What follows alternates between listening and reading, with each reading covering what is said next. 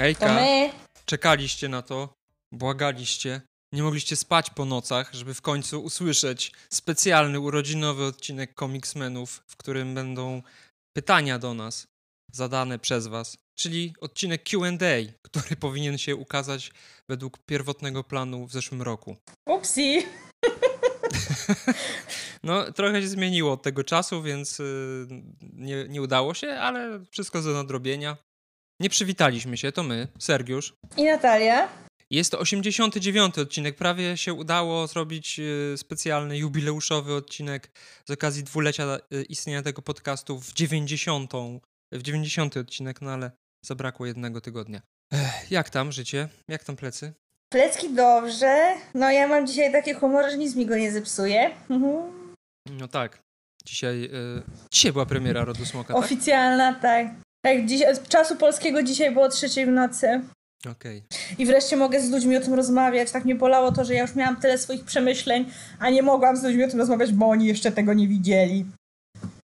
No ze mną o tym nie porozmawiasz, bo ja tego nie zamierzam widzieć, więc No ja wiem. niestety, Dużo niestety tracisz. Nie, nie interesuje. No, może kiedyś, jak już będę miał tyle czasu, że nie będę miał co oglądać, to wtedy tak. Ale znasz moje preferencje. Dobra, przejdźmy Dobrze, do innego tak, tematu. Tak, przejdźmy do innego tematu. Na początku tak sobie pomyślałem, że może zrobimy takie nerdowskie statystyki, podamy sobie, bo to są ciekawe dość statystyki. Dzisiaj to specjalnie przed odcinkiem podliczyłem. Zgadnij tak mniej więcej, ile w ciągu tych dwóch lat, w ciągu tych 88 odcinków, godzin naszego pierdolenia nagraliśmy. Nie wiem, błagam, nie, nie, nie, nie każ mi strzelać, zwłaszcza liczbami. No dobra, to ci powiem. Dokładnie 106 godzin, 23 minuty i 19 sekund, co y, oznacza, że jeśli ktoś byłby na tyle szalony, że chciałby zrobić sobie challenge i posłuchać wszystkich naszych odcinków ciągiem, to potrzebowałby na to 4 dni i 10 godzin mniej więcej. Więc sporo. Ale wiesz, co jest najbardziej ciekawe w tym wszystkim? Od kiedy ty jesteś w tym podcaście za Konrada, nagraliśmy 49 godzin, 45 sekund. To jest zabawne, bo Konrad był w 53 odcinkach na 88, a ty jesteś w 32 odcinkach na 88, więc ewidentnie czas trwania odcinków się wydłużył i to znacznie.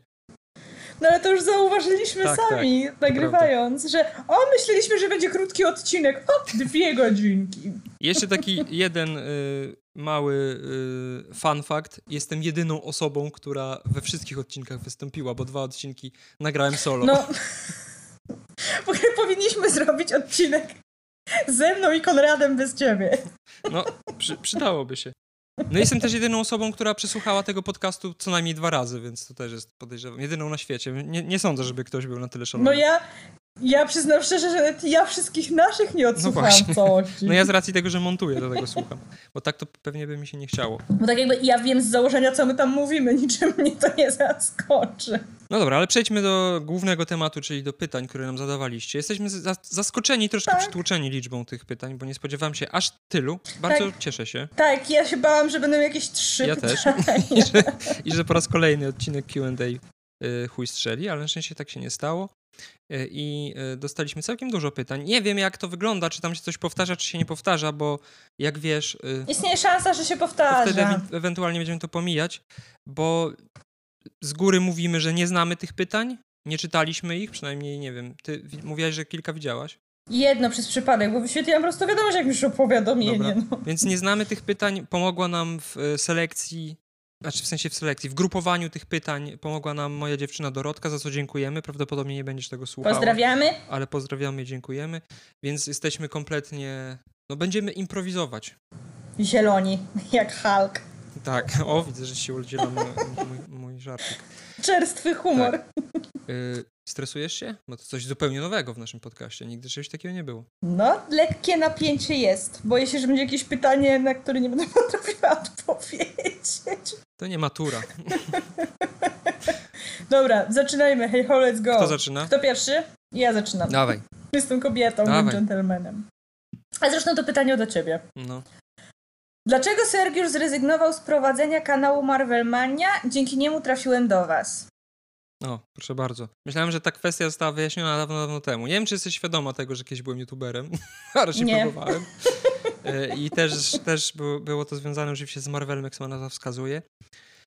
Mówiłem już o tym y, na kanale, kiedy kanał, kanał zdechł. Y, zmęczenie materiału było główną, głównym powodem zakończenia tej działalności i brak czasu po prostu, bo to jednak jest o wiele bardziej skomplikowana procedura, szczególnie jak to się robi samemu.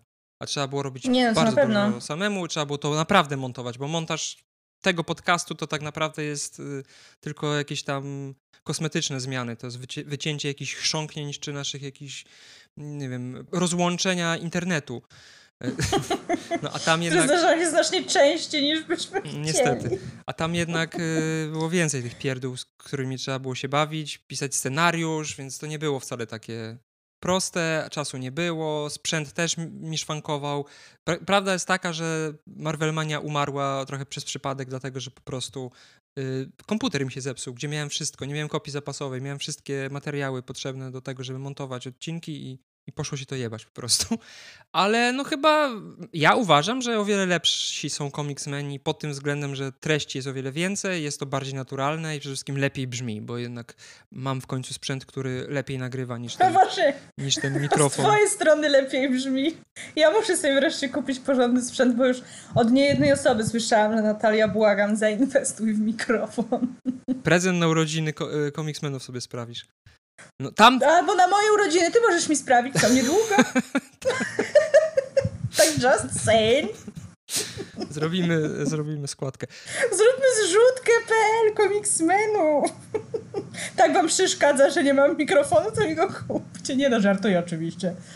Tam nagrywałem y, mikrofonem w aparacie, więc naprawdę dźwięk był tragiczny. Nie chciałem inwestować, dodatkowo aparat kupiłem po to, żeby nagrywać. Znaczy nie tylko po to, ale no. Więc mam nadzieję, że to już utnie wszelkie pytania na temat Marvelmanii. Ona dalej jest, jak chcecie sobie oglądać, to sobie oglądajcie. To był ambitny pomysł, ale przerósł moje możliwości czasowe i finansowe też. Teraz ja tobie zadaję pytanie?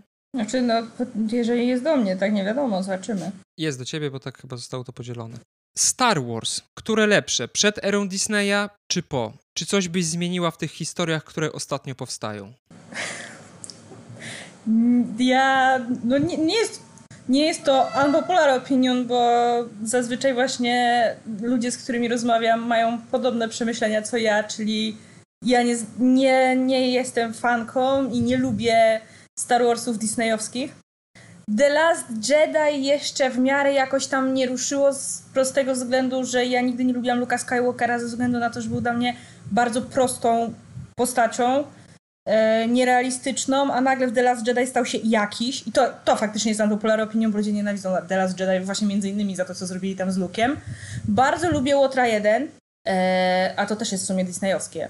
Więc Łotra lubię nawet tego nowego Hanna Solo jeszcze jak cię mogę, ale no ja zdecydowanie jestem fanką starych Star Warsów, zarówno ory oryginalnej trylogii, jak i prequeli. Prequele uważam, że nie są dobrymi filmami, ale zajmują wyjątkowe miejsce w moim serduszku. A w tych nowych, jak, co do pytania, czy coś bym w nich zmieniła, no to przede wszystkim prawie wszystko. Chciałabym, żeby Przebudzenie Mocy nie było kopią Nowej Nadziei. Chciałabym, żeby Rey była ciekawą e, protagonistką, a nie tym czymś, co nam dali. Chciałabym, żeby było więcej Artuditu, żeby nie zabili Hanna Solo. O, e, ale nie zmieniłabym Kylo Rena. Bardzo, bardzo lubiłam Kylo Rena.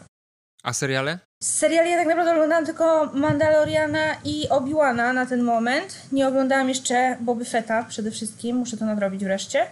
Ja seriale lubię, mimo że wiem jakie są opinie na temat Obi-Wana. Ja też mam wiele do zarzucenia temu serialowi, przede wszystkim beznadziejny scenariusz i traktowanie widzów jak idiotów. Ale ten, dla mnie ten serial był dokładnie tym, czym miał być. Jechał bardzo na nostalgii. Co, co miałam popłakać, to popłakałam, więc no, dla mnie na plus nie żałuję, że Disney przejął Star Warsy, mimo że no nie lubię tej trylogii disneyowskiej, to jednak seriale i te poboczne filmy mi jak najbardziej leżą. No w sumie Water 1 jest jeden z moich ulubionych filmów z uniwersum Star Wars. Także no, mam nadzieję, że w miarę wyczerpałam odpowiedź na pytanie. A, wiem co bym zmieniła! W tym, jak się nazywał, Skywalker Odrodzenie w ostatniej części. Zamiast tylko głosów Jedi w ostatniej scenie, żeby się pojawiły ich duchy. Tak, bo chciałabym bardzo zobaczyć Anakina przede wszystkim. No. Mam nadzieję, że jesteś usatysfakcjonowany, usatysfakcjonowana. A Mam nadzieję, że ten fan Star Warsów mnie teraz nie zlinczuje za moją odpowiedź. Dobra, teraz moje pytanie. Sergiusz, to jest kontynuacja poprzedniego. No jest. Czy planujesz jakieś filmy dodawać jeszcze na Marvel Manie? Czyli będzie krótka odpowiedź. Nie, nie planuję, ponieważ tak jak pisałem te kilka lat temu Marvelmania nie żyje. Niech spoczywa w spokoju. W spokoju. Rest in peace. Dobra, to teraz wolicie Deadpoola czy Wolverina? Kto by według was wygrał? I teraz pytanie, czy to chodzi o komiksowe Uuu. postacie, czy o filmowe postacie? No ja co do komiksowych się nie wypowiem, więc ja się będę wypowiadała co do filmowych. A ty się wypowiedz do obu. To ty pierwsza. Którą wolę? Tak. To jest w sumie trudne pytanie. Bo Deadpool jest taką fajniejszą postacią, taką bardziej cool. Jest zabawny, ale no dla mnie jest trochę pajacem, mówiąc szczerze. Więc stawiam na Logana. Tak jakby ja z Loganem znajduję bardzo wiele punktów wspólnych, zwłaszcza w scenie z, to jest chyba First Class, tak, to jest First Class, jak Xavier i Magneto przychodzą, e, rekrutują wszystkich do tej szkoły, przychodzą do niego, a on nawet na nich nie patrzy, siedzi go z piwem i spierdalajcie. bardzo się utożsamiam z tą sceną. I a kto by wygrał, to jest bardzo, ale to bardzo trudne pytanie, ale i tak stawiam na Wolverina. No to ja tak na szybko filmowych. Oczywiście Deadpool jest dla mnie lepszą postacią, ponieważ jest bardziej zgodny z tym, co jest w komiksach. Ale no to, ale ono nie ma być zgodny z komiksami. Tak jakby odcinasz w tym, w tym momencie oceniając, masz odciąć postacie Ja nie potrafię. filmowe Ja nie od... potrafię tak robić. Ja zawsze patrzę przez, przez pryzmat Ja komiksu. potrafię. Ja nie. Ja ci mogę zrobić kurs z tego, ja tak zrobiłam z Gromotron. No ja, ja, ja znam te mistrzem. postacie, to wiesz, tak jakby ci, jakbyś znała jakąś postać, a później by ktoś puścił ci film o tej postaci, w sensie jakąś osobę, później ktoś ci puścił film o tej osobie i musiałabyś wypowiadać się na jej temat z perspektywy tego filmu. Ja przez wiele lat poznałem... Ale ja tak robię z Jamie Lannisterem. Jamie Lannister w Grze o Trona, Jamie Lannister w książkach to są od pewnego momentu dwie zupełnie różne postacie i ja potrafię je rozróżniać. Wypowiadając się na temat ogólnikowo Jamie'ego. Znaczy ja też potrafię, ale po prostu wartościuję, może tak będzie bardziej Po prostu nie chcesz, przyznaj się. Po prostu ci się nie chce. Jesteś komiksomaniakiem, uważasz, uważasz się za lepszego Tak. tylko i wyłącznie od filmów Nie, nie uważam, że lepszego. Uważam, że lepsze są wersje komiksowe po prostu, z nielicznymi wyjątkami, ale w tym wypadku y, jednak i Deadpool i Wolverine komiksowi są lepsi. Jeżeli chodzi o filmy, Deadpool y, jest lepszą postacią niż Wolverine. Jeżeli chodzi o komiksy, odwrotnie, bo Deadpool jest... Dobra, a który by wygrał? Myślę, że jednak Wolverine w obu przypadkach. Dobrze. Chociaż to, jak to zazwyczaj jest w przypadku y, walk superbohaterów, wszystko zależy od scenarzysty tak naprawdę. Znaczy, o Jezu, no to postaw się na miejsce scenarzysty, u mnie wy- wygrałby Logan. Ale byłaby to bardzo wyrównana walka. To na pewno. Dobra, teraz ja mam do ciebie, to nie jest pytanie w sumie, tylko polecenie. Mhm. I nie wiem, czy mogę zdradzić od kogo, bo tak mi wysłałeś, że nawet widzę od kogo, a jest to osoba, którą znamy. Nie wiem, chyba możesz. Dobrze, Asiu, pozdrawiamy serdecznie. Przy, idealnie Asia wiesz, że akurat jak był temat o Loganie, Asia bardzo lubi Tak, Logana. pozdrawiamy. No a Asia serdecznie prosi, Sergiusz, pochwal się fanom na Insta, swoim Insta z lalami. Dobrze, zrobię to. Zr- zrobię to, chociaż ono, ono jest zaniedbywane bardzo. Nie mam czasu robić zdjęć y, figurką. Y, ale tak, Aśka wytropiła mnie ostatnio. Nie wiem, jak to zrobiła, bo jest to anonimowy Instagram. Wcześniej był Instagramem Marvelmanii, y, która Nie wiedziałeś, że kobiety potrafią być skuteczniejsze niż FBI? Być może. Wcześniej y, był to Instagram Marvelmanii, która też była anonimowa. Ja, ja byłem anonimowym youtuberem. E, więc y, dobrze, pochwalę się. W, jakimś, w jakiejś relacji wrzucę, żebyście mogli follow, follow. Niektóre osoby już to followują, bo widzę, że są lajki zbieżne z y, tym, co jest na Comicsmenach. E, to kolejne pytanie. O, tego się spodziewałem i uważam, że się pojawi jeszcze kilkukrotnie, więc prawdopodobnie będzie e, to pomijane przez nas. Czy Konrad wróci do podcastu? A to ja mam teraz takie samo. W kolejce, czy nagramy jeszcze odcinek z Konradem? Ja postuluję, żeby powstał odcinek ze mną i z Konradem bez ciebie. Jest to dobry Uważam, że to pomysł. jest fantastyczny pomysł. E, ale póki co na razie w teorii, ponieważ tak jak mówiłem po przerwie, była przerwa chyba z dwa miesiące w Comicsmenach. Ja zrobiłem odcinek sam tuż przed premierą Eternals, kończący historię komiksowych Eternals. I tam wyjaśniałem, że Konrad po zachorowaniu na koronawirusa i po wyjściu ze szpitala przestał się odzywać. I tak jest nadal. Minął właśnie rok, od kiedy się ostatni raz z Konradem e, kontaktowałem. Y, I nie wiem, po czemu tak się stało, tak się stało. No to idealnie, słuchaj, to jest idealny pomysł na reunion. Być może kiedyś to nastąpi. Na razie, na razie nie, nie ma tego w planach, ale my jesteśmy zawsze otwarci, bo tak jak, tak jak z Avengersami. Jak ktoś jest raz Avengersem, zawsze z Avengersem. Tak samo jest z Comicsmenami. ale piękne. Dobra, to teraz ja? Tak. No w moim pytaniu są dwa pytania, w sensie są dwa podpunkty, to załatwimy od oba. Ulubiony złoczyńca Marvela. W filmach czy w serialach? To, znaczy, czy w komiksach? To no to słuchaj, no to ty pytanie. dawaj i w filmach, i w komiksach. Ja dam w filmach, no bo na komiksach to się nie znam dostatecznie, żeby się wypowiedzieć. Chociaż z tych komiksów, które czytałam, no to Gor. Okej. Ja mam problem z takimi pytaniami o bar- najbardziej ulubione rzeczy, ale jak tak pierwsza moja myśl mi do głowy przyjdzie, to chyba będzie to jednak Magnito, o ile jest to złoczyńca, bo to się zmienia wielokrotnie. No ja, ja obstaję zawsze przy tym, że jednak, dla mnie on jednak jest złoczyńcą, który czasami jest antybohaterem, ale jednak często, często no, jego postępowanie dla mnie idealnie się wpisuje w bycie złoczyńcą. Dobra, to z komiksów było? Tak, z filmów? Yy, w sumie Kanga nie widzieliśmy dużo, ale za, no w sumie wcale nie widzieliśmy. To nie, to, to nie, to nie może być. Kogo ja wymieniłem? Thanosa chyba, tak? W odcinku. Thanosa, no Thanos był jedną z twoich ulubionych postaci w ogóle. No właśnie, więc przecież. Thanos to będzie moja odpowiedź. Przewidywalna, No ale... ja mam problem. Ja mam bardzo duży problem. Uwaga, na pewno nie będzie to Loki. Uważam, że Loki nie jest dobrym złoczyńcą, a przynajmniej nie początkowo, a później też jest bardziej antybohaterem. No ja kocham Magnito. I w sumie z, z uwagi na to, że jest jedną z moich w ogóle ulubionych postaci Marvela, no to, no to Magnito, ale jakbym mogła dać taki honorable mention, to Zimo. Czemu? Zawsze w moim serduszku. A, a drugi podpunkt, drugie pytanie. Uwielbiam ulubiony ship w Marvelu. Muszę ci tłumaczyć, czym jest ship? Jesteś aż tak stary? Nie, mniej więcej wiem, ale ja chyba nie mam, bo ja nie bawię się w takie rzeczy za bardzo. Ja jestem olbrzymią fanką trójkątna miłosnego Tora z Mjolnirem i Stormbreakerem. No ale jakbym tak, tak na poważnie miała stwierdzić, no to... No no. Bo kocham No, sumie Wanda. tak. Ja lubię sobie, jestem masochistką, ja lubię sobie popłakać, a w sumie ich historia miłosna dała mi sporo powodów do płaczu. To ja chyba jednak Loki i Loki. W sensie Loki i A, i Sylwii. No to, te, to, też jest fajne. To nieoczywiste też jest i fajne. Za, za to. Ale nie, że miałem jakiś wielkim fanem tego. A w komiksach to jest tak zmienne, że ciężko powiedzieć. Naprawdę chyba jedyną parą, która jest od początku cały czas razem ze sobą i, yy, i są trwali w tych uczuciach, to jest Sue, Sue Storm i Reed Richards.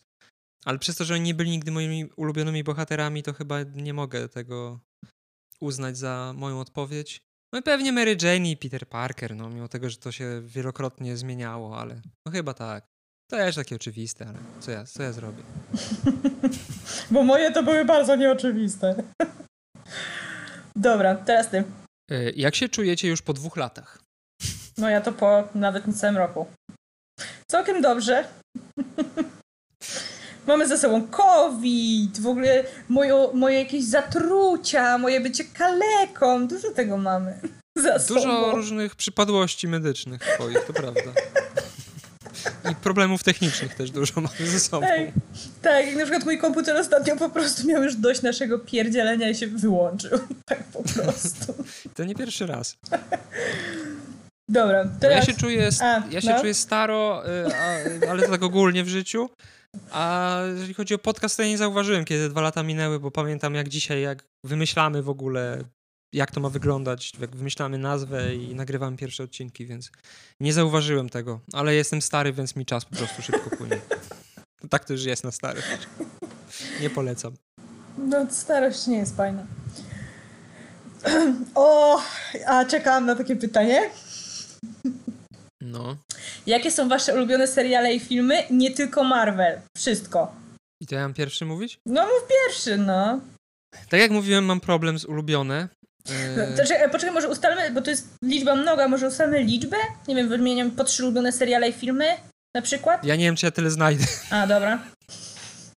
Musiałbym długo myśleć, a nie chce mi się. Ja lubię odpowiedzi, które przychodzą od razu do głowy, a nie lubię dumać nad odpowiedzią, bo uważam, że taka odpowiedź nie jest do końca dobra. Pierwsze, co mi do głowy przychodzi, jeżeli chodzi o serial w ogóle, i to był pierwszy serial, który w ogóle pokochałem jako świadomy widz, to był Lost. I jest trochę, trochę to przypadek tego, co ty masz z prequelami Star Warsów. Jestem świadomy tego, jak głupi był ten serial, szczególnie pod koniec, jak bardzo został Tak, tylko że właśnie ja, dlatego ja zawsze rozróżniam ulubione, a najlepsze.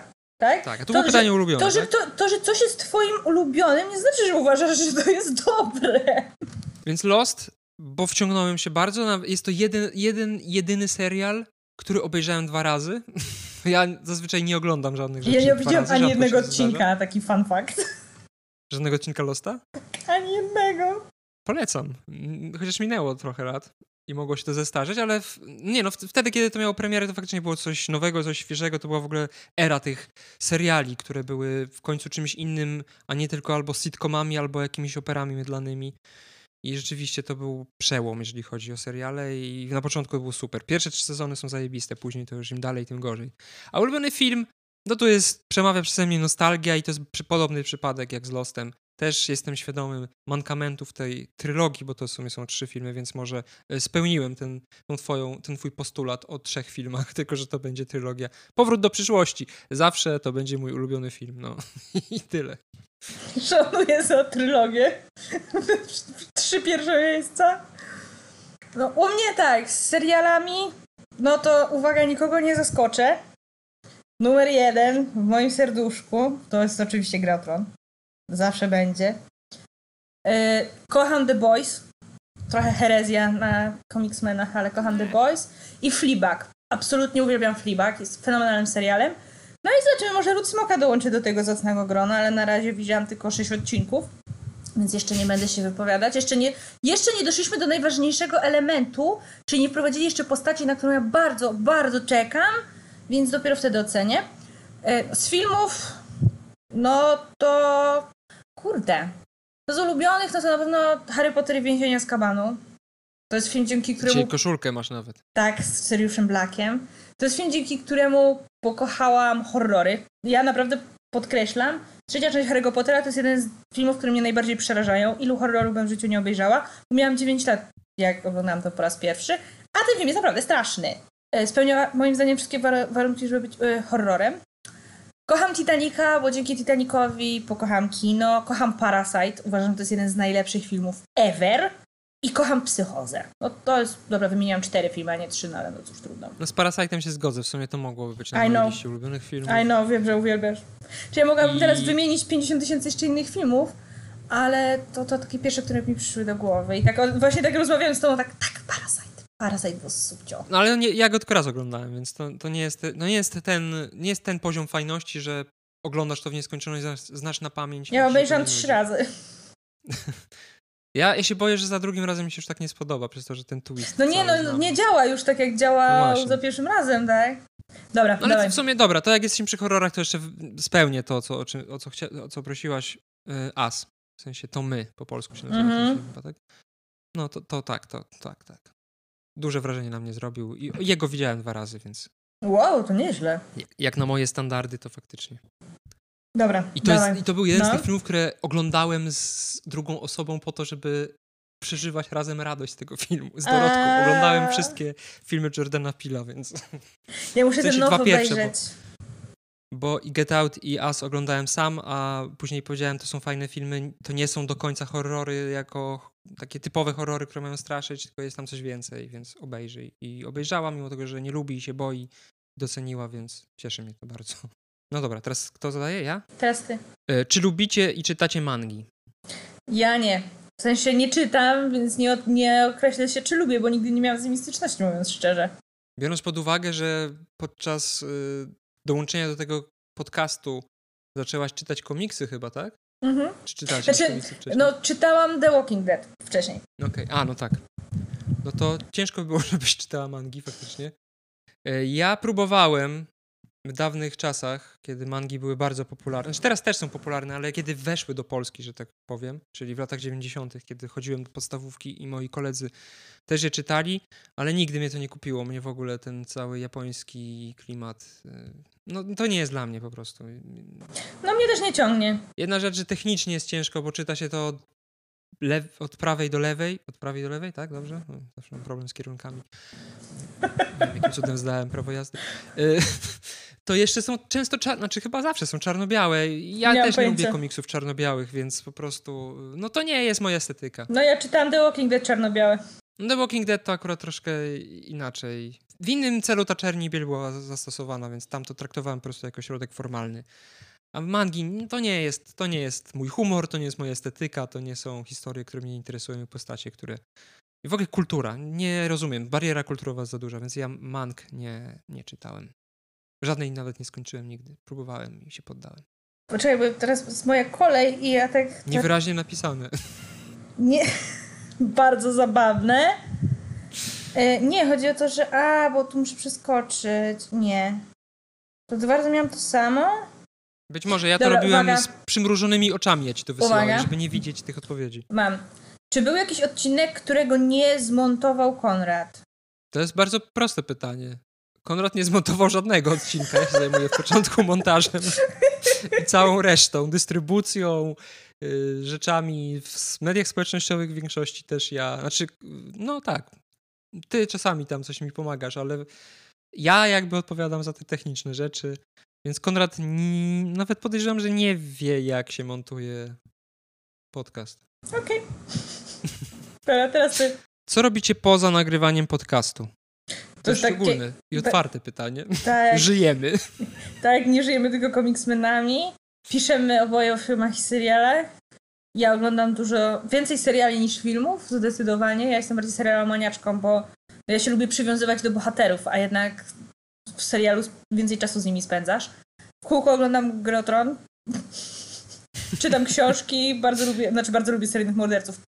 Fascynują mnie seryjni mordercy i lubię czytać o nich książki oglądać filmy i seriale. Kocham koty, mam dwa koty, jak już pewnie wiecie. Tak, wiecie doskonale o tym, że mam dwa koty.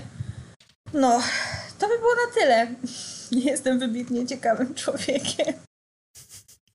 Proszę sobie nie umniejszać. Chociaż y, nie będę się za ciebie wypowiadał, ale wiem, że robisz jeszcze kilka innych rzeczy. Ale y, no, oprócz takich najbardziej podstawowych funkcji życiowych, to podobnie jak Natalia. Tak jak wspomniałeś zresztą, no, pracuję.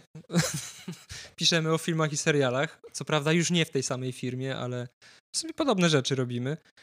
E, A poza pracą, no to ty lubisz seriale, ja wolę filmy. Często jestem w kinie, chociaż ostatnio to jakoś nie za bardzo wychodzi, ale, ale staram się być co najmniej raz w tygodniu w kinie. Skoro wywołany do tablicy został mój profil z figurkami, no to kolekcjonuję figurki, czasami robię im zdjęcia, czasami, y, czytaj dwa lata temu, ostatni raz, robię dioramy, czyli takie makiety do prezentowania i fotografowania figurek. Spędzam czas z pieskami oraz z Dorotką. No i czytam komiksy, bardzo dużo komiksów czytam, y, przygotowując się i do podcastu, i po prostu dla przyjemności. Cały czas nie spełniłem swojego zadania, które wyznaczyłem sobie wiele lat temu, czyli przeczytanie wszystkich serii, które sobie wybrałem od początku. Zatrzymałem się na latach, na początku lat 90., no przełomie lat 80., dziewię- 90.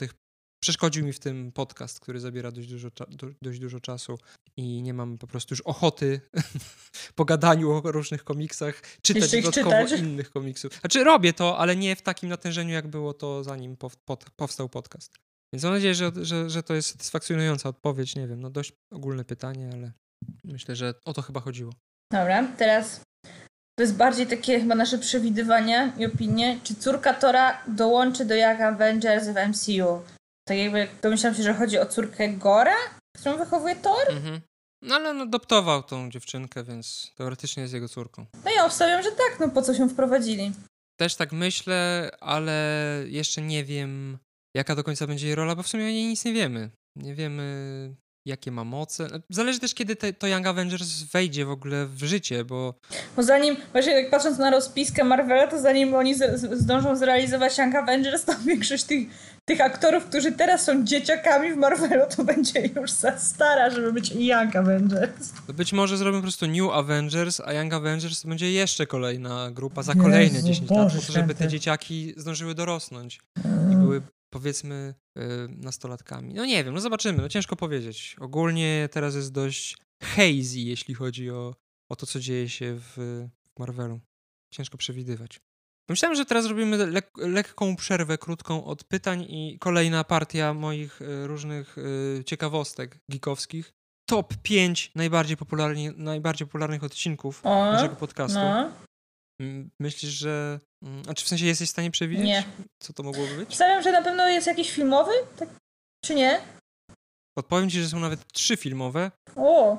i trzy filmowe z tobą już, czyli całkiem nowe odcinki. Obstawiam Spidermana i Multiverse of Madness na pewno. Bardzo ładnie. Piąte miejsce to są najlepsze i najgorsze filmy MCU, czyli odcinek U. 74. Czwarte miejsce Doctor Strange 2, odcinek 78. Trzecie miejsce Spider-Man No Way Home, 61 odcinek. I dwa pierwsze miejsca należą do e, odcinków komiksowych i dość wczesnych odcinków, bo drugie miejsce to odcinek pierwszy pod tytułem Nasze pierwsze komiksy, co jest w sumie oczywiste z racji tego, że był to wstęp do komiksmenów i wiele osób próbując pewnie tego podcastu na, ten odcinek się natknęła, plus Konrad e, jako osoba dość towarzyska kazał słuchać tego odcinka miliardowi osób, więc myślę, że to one zrobiły ten wynik. A pierwsze miejsce należy do odcinka numer 4, jak czytać komiksy. A to nie dziwi mnie. Ani trochę. Tak, przecież jest to przewrotne dość pytanie, gdzie nie pada odpowiedź y, taka dosłowna na, na nie. Czyli zrobiliście clickbait. Nie, no, zrobiliśmy po prostu to na zasadzie bardziej takiego myśli przewodniej odcinka. E, I drugi, drugi, drugi, drugi mój zbiór, najdłuższe i najkrótsze odcinki. O, To też ci pod, podpowiem, że w, w najdłuższym brałaś udział. o Jezu, który mógł być najdłuższy? Pewnie jakiejś komiksowej postaci, nie? Tak, tak. Star Fox? Shang-Chi. Shang-Chi był aż tak długi?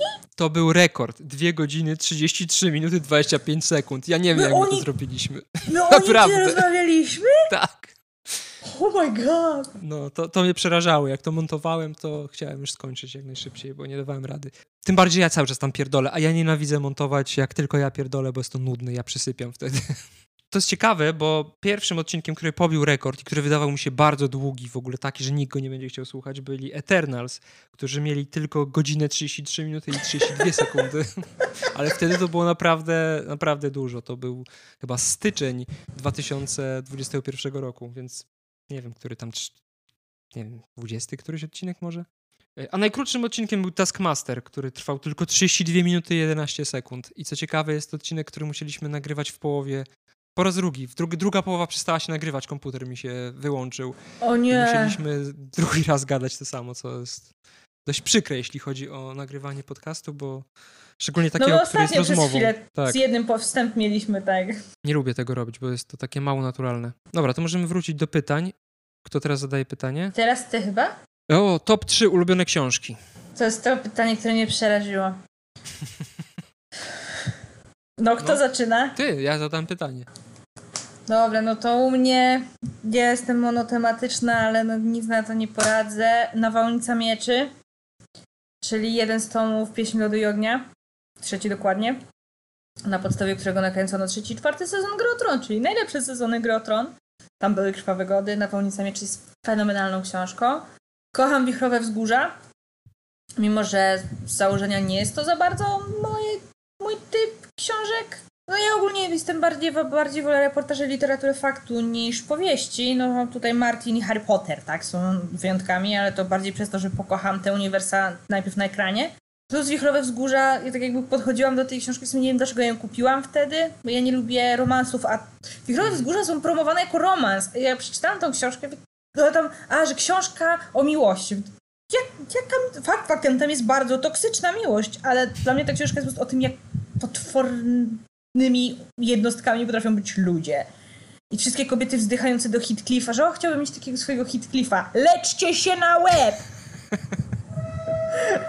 Bo obstawiam, że z moją przyjaciółką się kiedyś właśnie z tego śmiałyśmy, że kobiety zachwycające się, znaczy oczywiście tam ja nie chcę tu nikogo obrażać, tak? No ale jednak on ma to bardzo taki toxic vibe Yy, i śmiałyśmy się właśnie, że kobiety, które kiedyś zachwycały się Heathcliffem z Wichrowych Wzgórz, wychowały właśnie młode kobiety, które teraz zachwycają się Massimo z 365 dni. Aż tak źle? Nie wiem, nie, nie czytałem, nie oglądałem Znaczy, filmu, więc... tutaj oczywiście ja nie chcę porównywać w grafomanii Blanki Lipińskiej do wspaniałości Emily Bronte, ale no jednak tak, to jest dla mnie podobny poziom toksyczności samca alfa. No, a książka numer 3 to o nie, nie będzie to Harry Potter, o dziwo. Mimo, że Harry Potter zajmuje wyjątkowe miejsce w moim sercu, ale no jednak ja nie uważam tych książek za wybitnie dobre. To chyba Helter Skelter, czyli książka Vincenta Buglioziego, prokuratora, który posadził Mansona i całą jego bandę. Fenomenalna książka, serdecznie wszystkim polecam. No, teraz ty.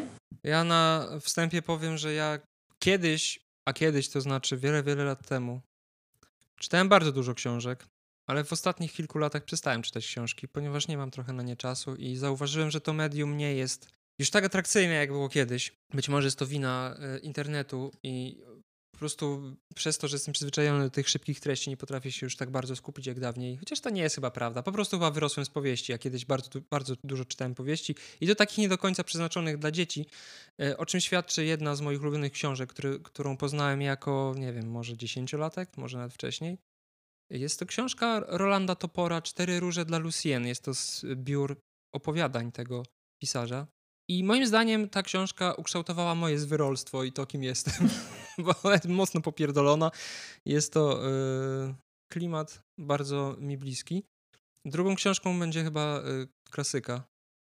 No, wydaje mi się, że tak, Miś Małgorzata. To jest chyba coś, co czytałem wielokrotnie i co jest zajebiste, jednym słowem. Nie ma co dużo się rozwodzić. A moją ulubioną książką, mm, może nie wiem właśnie czy ulubioną, bo to są raczej książki, które zrobiły na mnie największe wrażenie. Ja tak chyba definiuję ulubione książki. Czy ja też? U mnie to jest w zasadzie to, ja szczerze że dlatego mnie przeraziło to pytanie, bo ja się nigdy nad tym nie zastanawiałam. Ja przeczytałam już pełno książek, ale tak ja do książek mam trochę inne podejście niż do filmów czy seriali. Ja na, ja na nie reaguję o wiele mniej emocjonalnie idealny, idealnym obrazem tego jest to, że jak już wiecie, ja jestem straszną płaczką i ja prawie, płaczę na prawie każdym filmie czy serialu. I dla mnie w sumie miarą tego, na ile podobał mi się film czy serial, było to na ile mnie wzruszył, poruszył i tak dalej. Tymczasem na książkach nie płaczę prawie nigdy. Tak jakby czytając książki, to mam zupełnie inny poziom zaangażowania i tak dalej. Ja się nie muszę zżywać emocjonalnie nawet z bohaterami, czytając powieści czy coś, cokolwiek w tym stylu. I w sumie to nie jest tak, że nigdy nie płakałam czytając książkę, ale jestem w stanie to zliczyć na palcach jednej ręki. No, płakałam czytając książkę o Sharon Tate, bo jednak była to, to co ją spotkało i ją i jej rodzinę było olbrzymią tragedią. E, no, to jest to książka pisana z perspektywy jej rodziny, więc jak jej siostra opisuje pogrzeb Sharon, no no to było dla mnie to poruszające i tutaj faktycznie dość mocno popłakałam. No bardzo płakałam na ogniu, czytając Ogień i Krew, czyli książkę, na podstawie której powstaje Ród Smoka, no ale to głównie ze względu na to, że smoki są dla mnie jak pieski i każda, śmie- każda smocza... A, czy to będzie spo... tak nie chyba spoiler dla tych, którzy nie czytali książek tak w ogóle? Dobra, smoki umierają, no Jezu, taniec smoków historia, o której, która będzie przedstawiona w Rodzie Smoka, to jest ta słynna wojna, która doprowadziła do wyginięcia smoków, więc sorry, jeżeli nie siedzicie Nawet ja w tym wiem, uniwersum. Tego się można domyślić. No właśnie, dlatego wychodzę z założenia, że jeżeli ktoś tego nie wie, to znaczy, że w ogóle się nie interesuje tym uniwersum, więc ta informacja mu nie zaszkodzi. No i każdą smoczą śmierć bardzo przeżywałam, zwłaszcza, że Martin pokazuje w tej książce, jak bardzo potrafi być okrutny. Ham. No a tak to... A na Kujo płakałam, bo tam też piesek. A tak to ja nie angażuję się jakoś bardzo w książki, stąd nie, nie mam nie, nie mam takiego kanonu książek, które absolutnie uwielbiam i które każdemu polecam i tak, da, tak dalej. Nawet właśnie przeczytam bardzo wiele książek o seryjnych mordercach, bo mnie interesuje ta tematyka i uważam, że nawet Bóg wie jak dobre seriale True Crime totalnie nie oddają tematyki i książki są o wiele lepsze pod tym względem to chyba nie mam książki o, tak ogólnikowo o wszystkich seryjnych mordercach, nie, skup, nie skupiającej się na jakimś konkretnym, tylko tak ogólnikowo o seryjnych mordercach, którą mogłabym z ręką na sercu polecić, bo żadna jako ona całościowa nie, nie wiem, nie spełnia dla mnie jeszcze tych moich oczekiwań. Bardziej mam taki zbiór, że jak chcesz znać się na temat seryjnych morderców, to musisz przeczytać cały ten kanon książek. No, ja myślę też, że to jest kwestia percepcji po prostu. Y, chociaż ciekawe jest to, że ty mówisz, że się nie zżywasz z postaciami z książek, bo ja się zawsze zżywałem bardziej z postaciami z książek, z komiksów, przez to, że masz więcej czasu na przebywanie z tą postacią niż w filmie i możesz wejść w jej głowę, a w filmie to trzeba sobie dopowiedzieć. I zawsze łatwiej mi jest sympatyzować jednak z bohaterami książ książkowymi. Tak, i fakt, prawda, no, wiesz, prawda jest taka, że tutaj też masz jakieś swoje wyobrażenie tej postaci, więc ona z założenia powinna ci być bliższa niż to, co jest na ekranie. A jakoś, no nie wiem, no na mnie po prostu... To Ale to czaję. Kwest...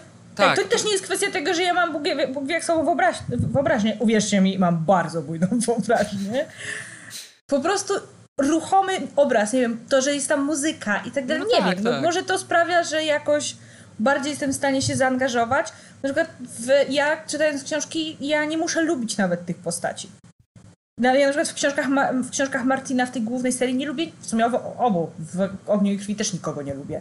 Absolutnie nikogo tam nie lubię. Uważam, że oni wszyscy są to jest Jon Snow. A jednak jestem w stanie śledzić tą, tę historię. Z filmami, serialami mam gorzej. Jeżeli ja nie lubię ani jednej postaci i nie obchodzi mnie w ogóle los tych postaci, to trudno mi jest zaangażować się w serial. Wyjątkiem jest chyba tylko Sukcesja którą bardzo serdecznie polecam wszystkim. To jest serial, który to jest jeden z najlepszych seriali ever. Jest dużo lepszy niż Gra o Tron. No ale książki też na innym, innym poziomie oddziałują, też chyba z tym ma to związek, bo ja też jakoś specjalnie, te, te emocje nie są takie jak w filmach. One nie są takie proste, tylko to jest zupełnie co innego. Bardziej myślowy proces niż emocjonalny. Dokładnie, Ale dokładnie. Wracając do odpowiedzi na pytanie, moją ostatnią książką, którą wymienię, będzie Rzeźnia numer 5 Woneguta, też klasyka, ale no to, to jest klimat, który no, pojebany klimat po prostu to jest to, co mnie ukształtowało jako dziecko, nastolatka powiedzmy, bo wtedy czytałem te książki, które były najważniejsze dla mnie. Boże, ja jako nastolatka to czytałam Zmierzch, Pamiętnik Narkomanki i książki Nikolasa Sparksa i Dzieci z dworca Zoo. No ja czytałem bardzo dużo literatury że czytałeś mądrą literatury właśnie tak. jako dziecko. Ja zaczęłam czytać takie mądrzejsze, ambitniejsze książki dopiero jak wyszłam w wiek dorosły. No bo za czasów nastoletnich mówię albo romanse, albo narkomani, albo wampiry. Ja chyba jedyną książką, którą czytałem taką dziecięcą, powiedzmy serią, był Harry Potter. I to tak świadomie czytałem, nie jako tam pięciolatek Pinokia, tylko po prostu tak, że faktycznie się jarałem. No to Harry Potter, ale tylko ze względu na to, że tam były te wątki kryminalne i ta zagadka zawsze mnie bardziej interesowała niż cała reszta w Harry Potterze. No dobra, kolejne pytanie. Czy czytacie, nie Marvel, czy czytacie nie Marvelowe komiksy, na przykład Image DC, Dark, Ho Dark Horse lub innych wydawnictw? No mi się zdarza, chociaż nie często, jednak Marvel y, w 100% zawładnął moim serduszkiem, a pozostałe wydawnictwa to raczej z doskoku, raczej w ramach pracy albo z ciekawości po prostu. Ale nie są to komiksy na tyle dla mnie ważne, żebym ja jakoś specjalnie je ubóstwiał. Poza jednym wyjątkiem podejrzewam, że to pytanie tu padnie, więc na razie nie będę mówił o co chodzi. Okej. Okay. a jeżeli nie padnie, to trudno. To może kiedy indziej, przy innej okazji. To zostanie tajemnica. Tak. Więc y, mi się zdarza, ale nie. Jak, jakby 80% czytanych przeze mnie komiksów w ciągu miesiąca to jest Marvel. Może nawet więcej, to jest Marvel. No u mnie, no to ja ogólnie dopiero zaczynam swoją przygodę z komiksami tak naprawdę. I jedyne komiksy spoza Marvela, jakie w ogóle kiedykolwiek czytałam, no to The Walking Dead, które porzuciłam na którymś etapie. Eee, mniej więcej na tym samym etapie, na którym porzuciłam ostatecznie serial. Ja też nie skończyłem eee, komiksu. Ale mam w planach Sandmana i The Boys. To są komiksy, które koniecznie muszę przeczytać. To jak dojdziemy do tego pytania, które podejrzewam, że będzie, to ja ci jeszcze polecę jeden komiks. Albo nawet dwa, bo w sumie przyszedł mi do głowy jeszcze jeden komiks który nie jest Marvela i który też bardzo lubię. Testy. No dobra. Jak się poznaliście? W pracy! tak, w Pamiętam pracy. naszą pierwszą wymianę zdań. Ja nie pamiętam. To był już któryś dzień mojej pracy w Antyradiu, tylko Sergiusz z Kamilem, Asią i Michałem, serdeczne pozdrowienia, siedzi w takiej kanciapie, po ciemku, jak tak. wampiry. Autentycznie Akwarium. kiedyś jak zapaliłam światło, to oni się pozakrywali bluzami, a Sergiusz siedział w okularach przeciwsłonecznych. No i to już tak był było. któryś dzień mojej pracy w Antyradiu i rozmawiałam z koleżanką, która razem ze mną przyszła do pracy. Pozdrawiam Karolcia. Mam nadzieję, że nas słuchasz, ale również. pewnie nie. I ja coś mówię, a bo ja pisałam artykuł, coś o Pretty Little Liars, a o Pre, o spin-offie Pretty Little Liars, Ravenswood. Pretty Little Liars to jest, jeden, z, to jest, tak, to jest jeden z najgorszych seriali na świecie. Nigdy tego nie oglądajcie. Nie. No i wtedy Sergiusz wyłonił, wystawił głowę z tej swojej ciemnej kanciapy i rzucił Koleżanko! Ja też oglądałem Pretty Little Liars. No w końcu znalazłem kogoś poza Dorotką i koleżanką naszą Agnieszką. Kto oglądał takie gówna. Którą również pozdrawiam. E, kto oglądał ten syf, tak. No ja właśnie tak jak jako nastolatka czytam najgorsze książki ever. Tak, oglądałam też seriale właśnie pokroju Pamiętniki Wampirów, Podkara 9210 i Pretty Liars. Czy do Pamiętników Wampirów wciąż regularnie wracam, bo uważam, że to jest świetna teen drama, ale Pretty Little Liars proszę to zakopać i zapomnieć, że to kiedykolwiek istniało, a teraz, nie wiem, Boże, jak mi zabolało, jak dostałam od HBO Max maila z informacją prasową o tym, że oni zrobili spin-off kolejny Co? tego. Znowu? Tak, jest na HBO Max, nazywa się Grzech Pierworodny. Nie będę tego oglądał.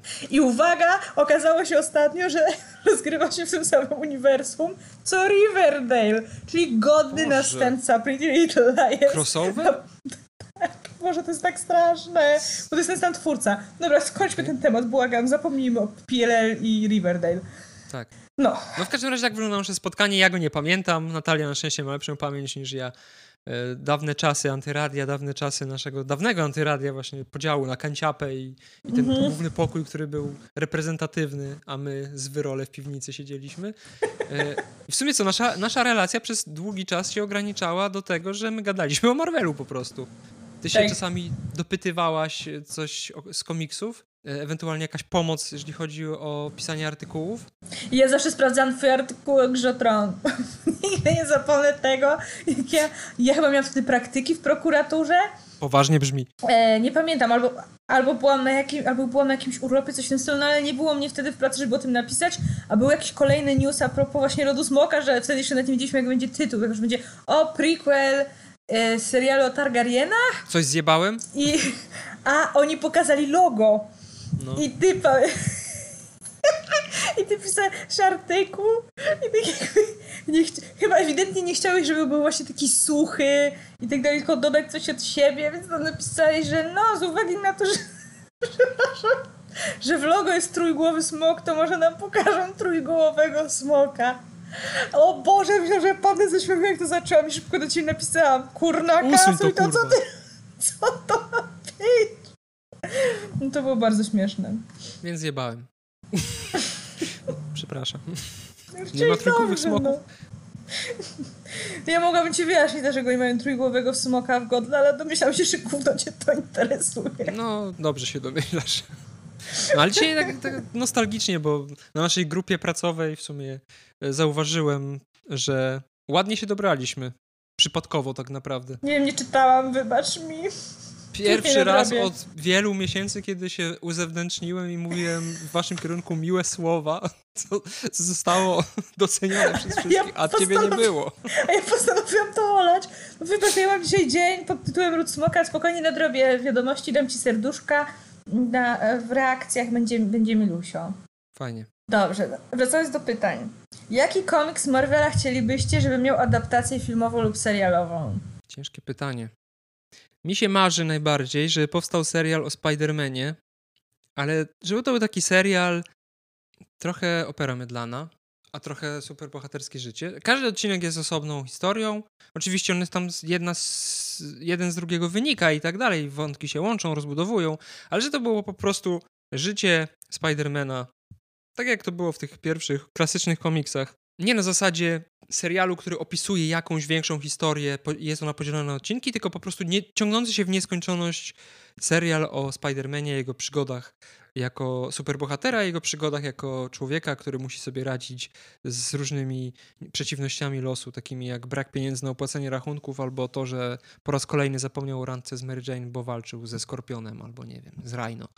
Mi się marzy taki serial. Od zawsze chciałem coś takiego zobaczyć. Trochę jak ten animowany serial wyglądał. On w sumie też był tak, że możesz oglądać te odcinki nie po kolei i niewiele się to tak naprawdę, niewiele to zmieni. To bym chciał zobaczyć, ale jakiś konkretny komiks? Nie wiem, może w sumie jak teraz jest to multiversum, może House of M, to mogłoby być ciekawe. No, Jakiś sumie taki House- film, A House of który... Fame nie jest za, tak w zasadzie tak jakby Multiverse of Madness nie jest tak w pewnym sensie luźną adaptacją House of Fame? Mm, nie.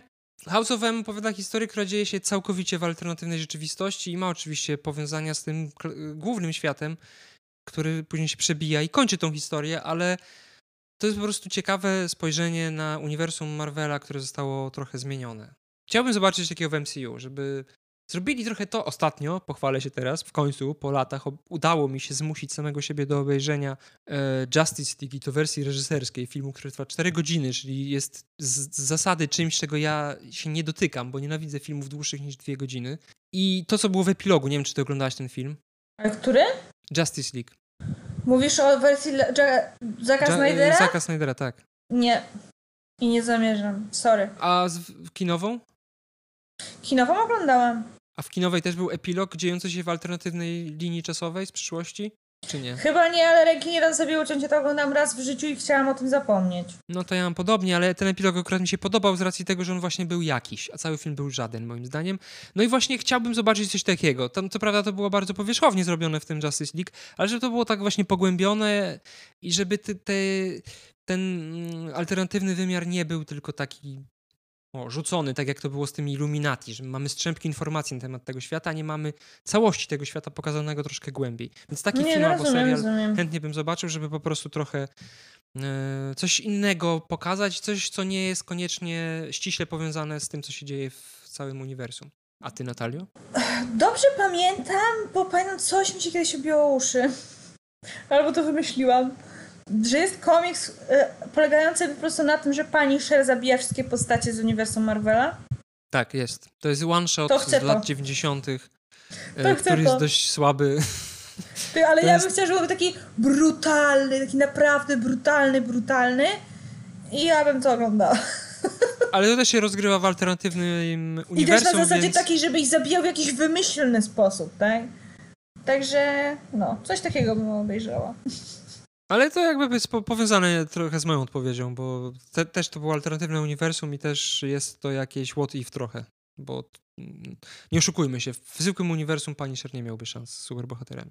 Tam po prostu pojawiły się odpowiednie okoliczności. Eee, czy ujrzymy waszym zdaniem kiedyś Pet Avengers w MCU najlepiej w formie animacji? Ja bym bardzo chciała. Też bym bardzo chciał. Jakie mamy zwierzątka superbohaterskie w tym momencie? No mamy pieska z jednym okiem.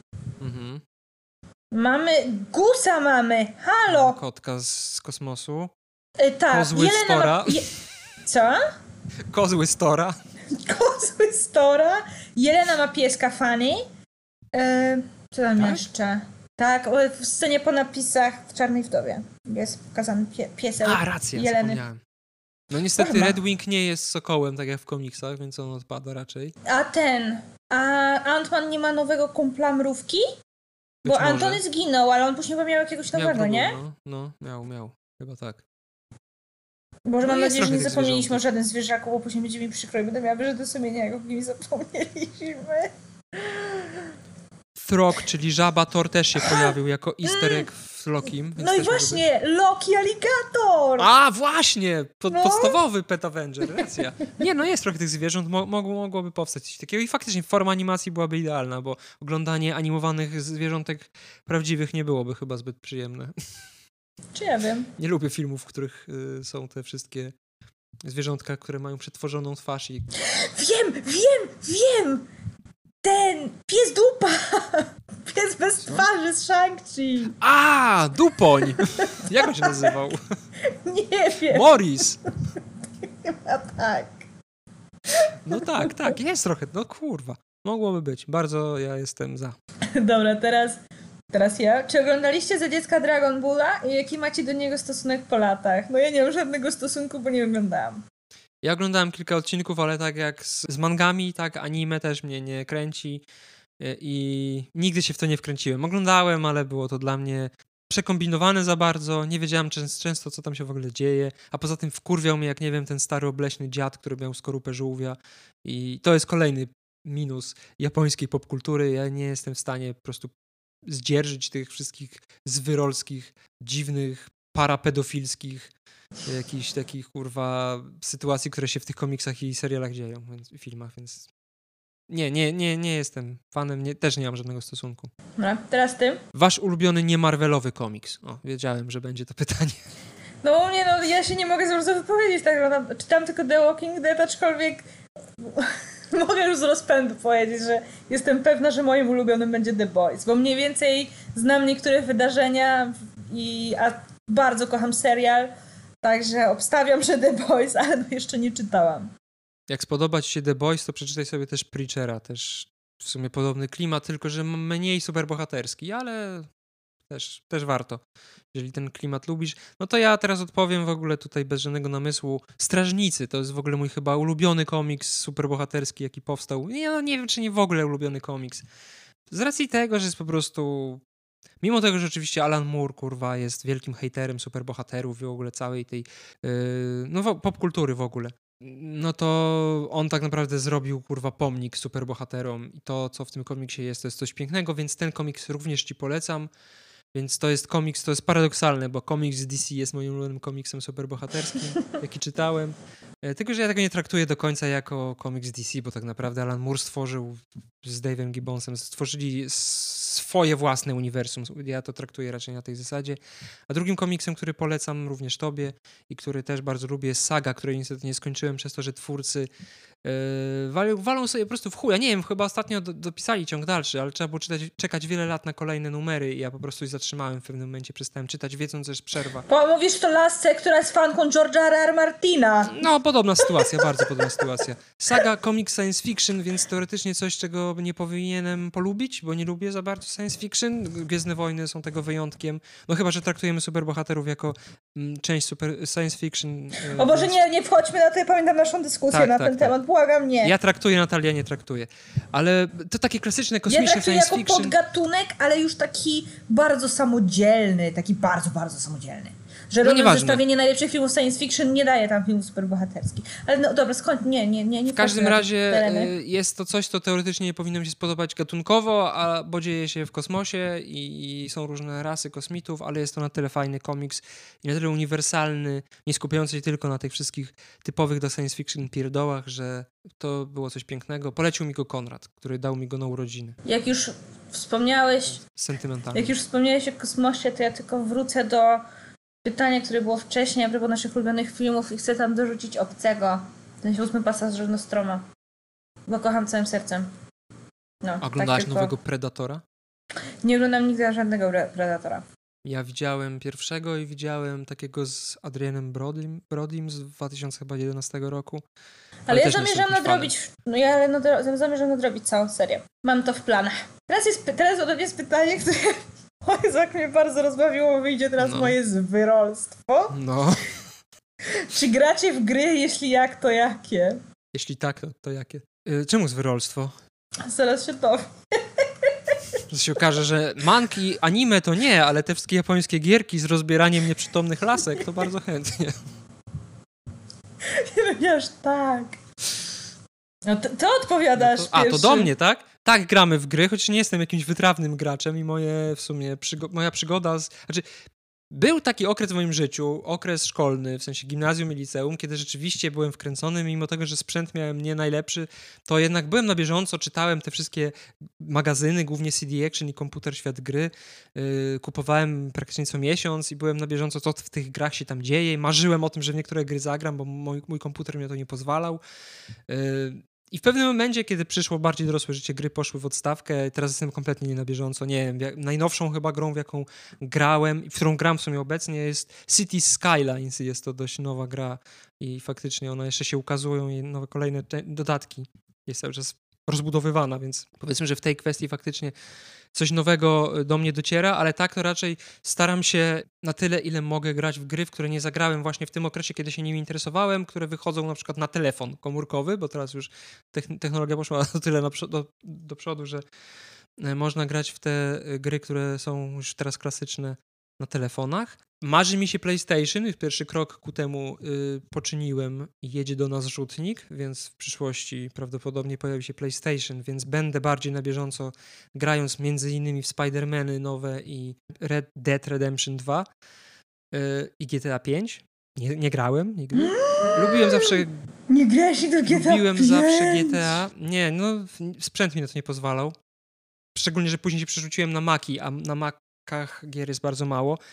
Zawsze lubiłem bardziej strategię i bardziej te wszystkie gry, w których się budowało rzeczy. Lubię sandboxy, lubię takie bardziej kreatywne rzeczy. Lubię Simsy, przyznaję się do tego. Simsy są super, jeżeli się w nie gra w ciekawy sposób. No ja raczej to, w to gram w taki sposób, że wymyślam sobie jakąś historię, tak. którą próbuję wcielić ja, w Tak, życie. ja też zawsze tak, bo ostatnio nawet e, e, czytałam taki artykuł, różne rodzaje simów, sim, simomaniaków. Wiesz, że są ludzie, którzy tak jakby budują swoje życie w Simsach? Ja to właśnie wymyślam tak, jakieś wiem. porąbane scenariusze i tak dalej i po prostu je rozgrywam. Tak jakbym tworzył w sumie swój film, tylko robię go w Simsach. Tak, ja się staram to robić, ale często jest tak, że ja po prostu tak się długo do tego zabieram, żeby przejść do tych kolejnych punktów tak, wytyczonych tak. w głowie, że w końcu to porzucam, bo mi się tego znaczy, nie Nie, no ja, ja nie, jeszcze nie porzuciłam nigdy historii, ale faktycznie czasami jest to uciążliwe, że na przykład już jest taki etap, którego się nie mogę doczekać, ale musiałabym przeskoczyć kilka innych i wtedy ta historia nie, nie tak jakby nie byłoby takiego ładnego ciągu wydarzeń. No.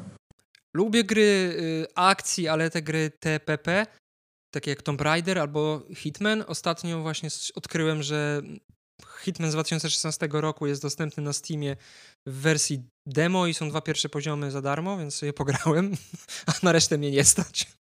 więc może kiedyś, na razie nie. Ale na, póki co obecnie to City Skylines, czyli budowanie y, miasta, lepsza wersja SimCity. Tego typu gry lubię i gram. Ej, lubiłam SimCity jak byłam mała. To tak polecam ci City Skylines jest to o wiele lepsza gra, o wiele bardziej rozbudowana i fajna. No dobra, a no ja, jak wygląda Tak, ja za dzieciaka jeszcze byłam w miarę normalna. Grałam właśnie w SimCity, grałam w Need for Speed'a, uwielbiałam Need for Speed'a nawet. E, miałam taką... W sensie, że nie grałam klawiaturą, tak, nie grałam klawiaturą, tylko kierownicą. Uwielbiałam Heroes. Ja miałem joystick. Heroesów, o Boże, jakie kocham, a, o Jezu. To, to jest najlepsza gra świata. Wormsy. Wormsy też były super.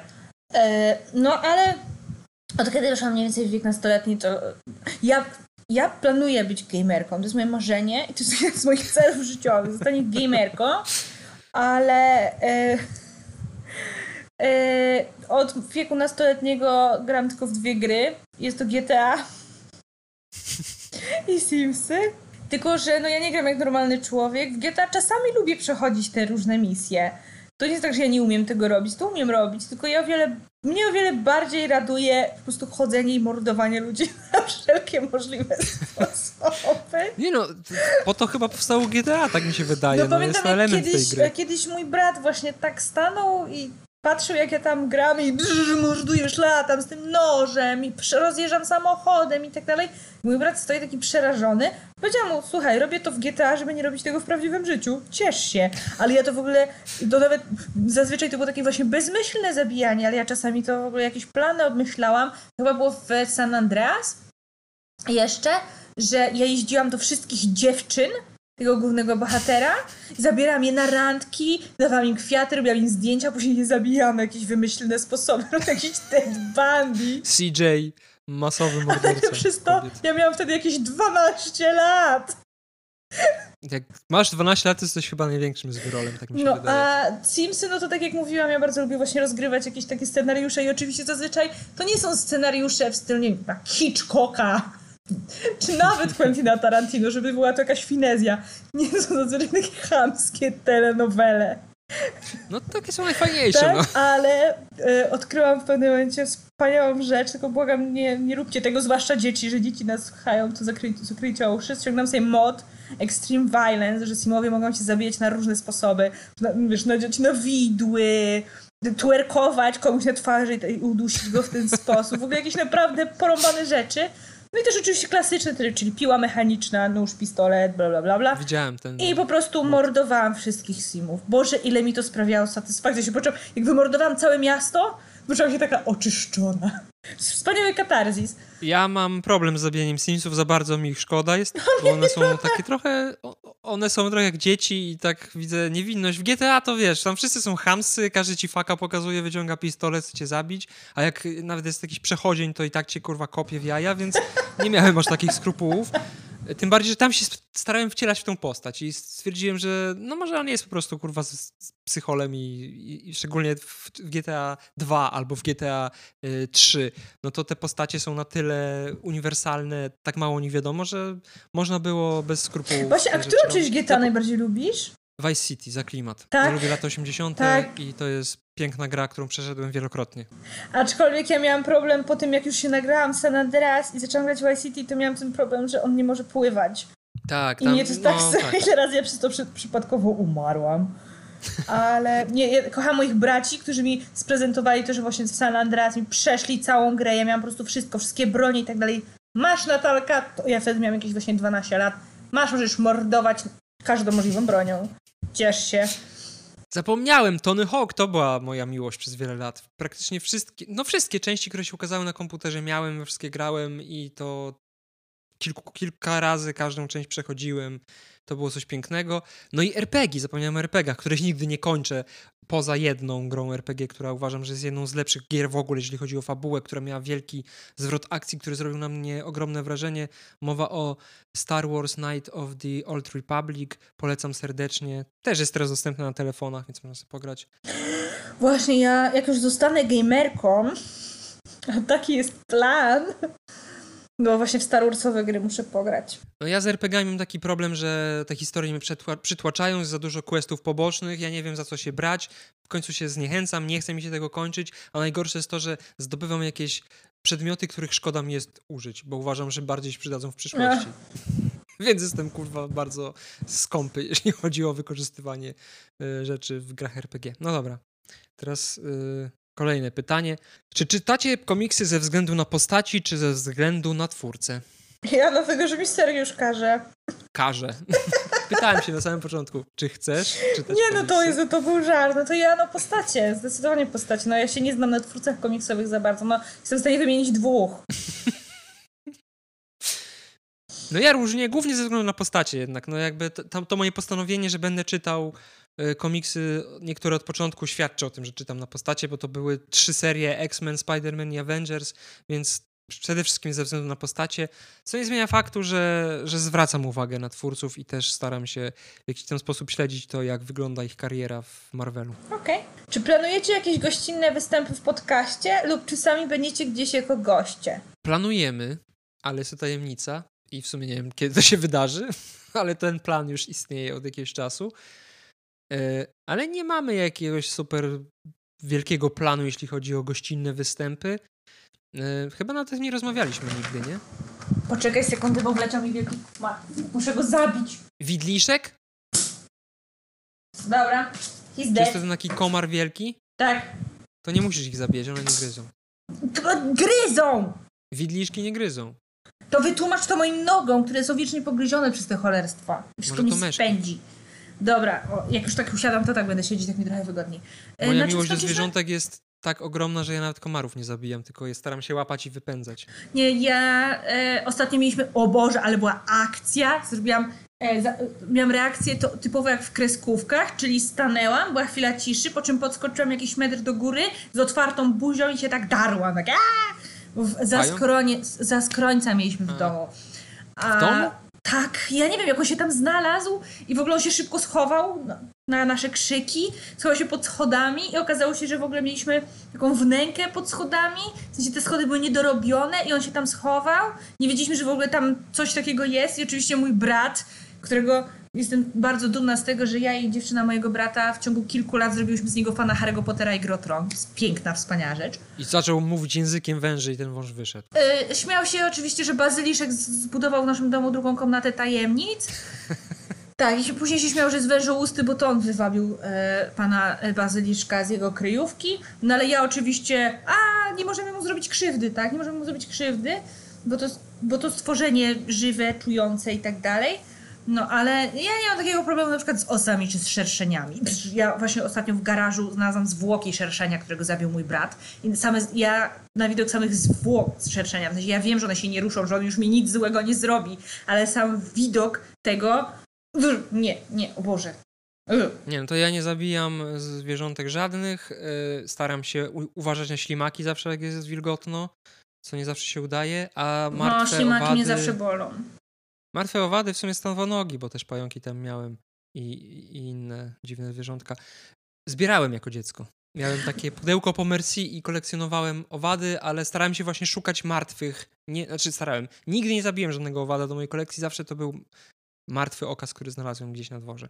No to ja pająków staram się nie zabijać, zazwyczaj staram się je wytransportować po prostu poza mój pokój, żebym przez przypadek ich nie zjadła w nocy, no bo je, jest ta informacja, tak, że zjadamy sześć pająków. To jest mit w chyba. swoim to życiu. jest- Wiem, cicho, ale wolę nie ryzykować.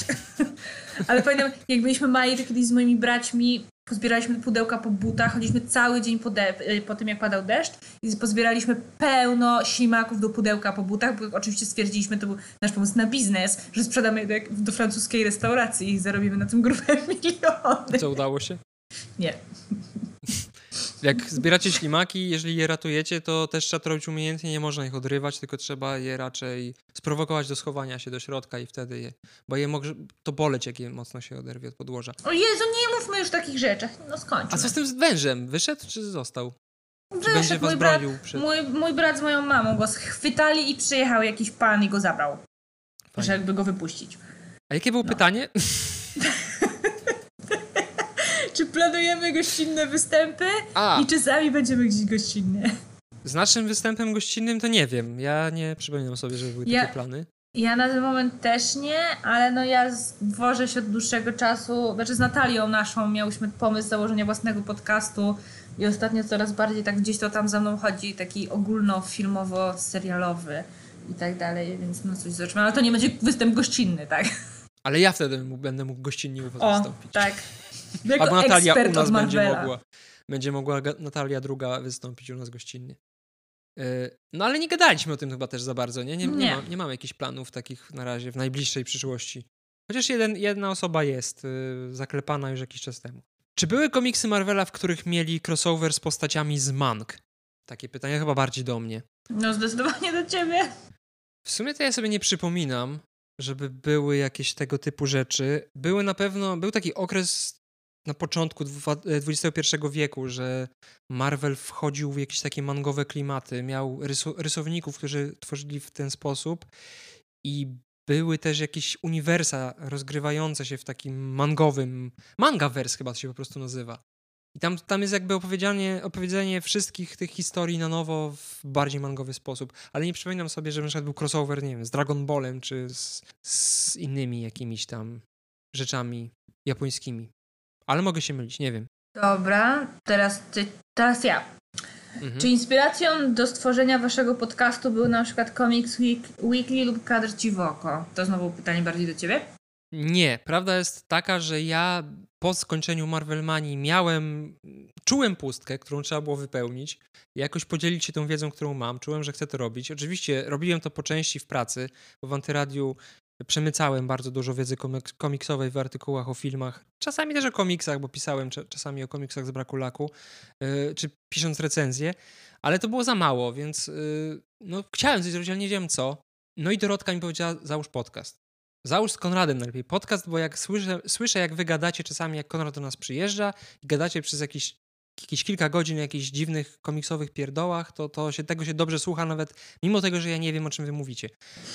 No i się z tym zamiarem nosiliśmy. Ja byłem troszkę niechętny, ponieważ ja nie, nie nienawidzę radia. Ja nie rozumiem, po co istnieją radiostacje, poza przekazywaniem informacji, bo muzyki Powiedział Sergiusz, który pracuje w posłuchać. Przepraszam bardzo, pracuję w portalu Ja wiem, Radia Z. Ja wiem, ale no wciąż mi to zabawnie. Poza przekazywaniem takich informacji w stylu na drodze A5 wybuchł pożar i zderzyły się trzy samochody, a jutro będzie burza, no to ja nie bardzo rozumiem. Mnie audycje nigdy nie kręciły, a muzyki to wolę sobie sam posłuchać, jak sobie coś puszczę, co, na co mam ochotę. No i ja jestem osobą, która raczej nie potrafi się skupić, jak ktoś gada i ja nie widzę tej osoby. Nie, nie lubię gadać przez telefon. Więc dla mnie podcast był z automatu na nie, ponieważ ja sam, jako osoba, która teoretycznie może takich y, rzeczy szukać, bym po to nie sięgnął. Ale sięgnął, sięgnąłem. Znalazłem podcast, który nazywa się Marveling at Marvels Marvels. Serdecznie go polecam i to była główna inspiracja tego podcastu. Jest to podcast, w którym jeden z y, kolesi jest fanem komiksów, a drugi koleś kompletnie komiksów nie zna. I on mu przedstawia No, tak postacie komiksowe. y, I tylko, że on Marvela nienawidzi dla zasady. On nie cierpi komiksów i jak. On bardzo surowo ocenia te wszystkie postacie. Uważa, że Ant-Man to jest najgłupsza postać, jaka istnieje, na przykład. Okej. I on nie jest w stanie traktować tego w ogóle poważnie. Uważa, że powinno to nie, nie istnieć. I zdarzyły się może trzy czy cztery postacie, które rzeczywiście były przez niego chwalone w taki naprawdę stuprocentowy sposób. Nawet jak są jakieś postacie, które mu się podobają, zawsze ma jakieś zastrzeżenia. E, Więc jest to fajny podcast, polecam go serdecznie. E, Mają już prawie 200 odcinków, istnieją chyba ze 4 lata.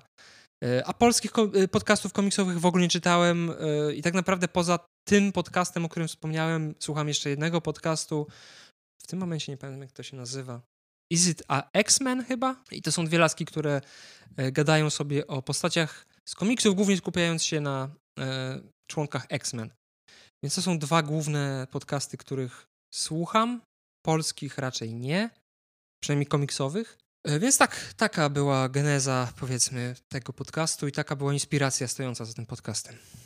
Więc jak jesteśmy przy tych e, początkach, może wspomnę w sumie, bo to jest całkiem zabawne.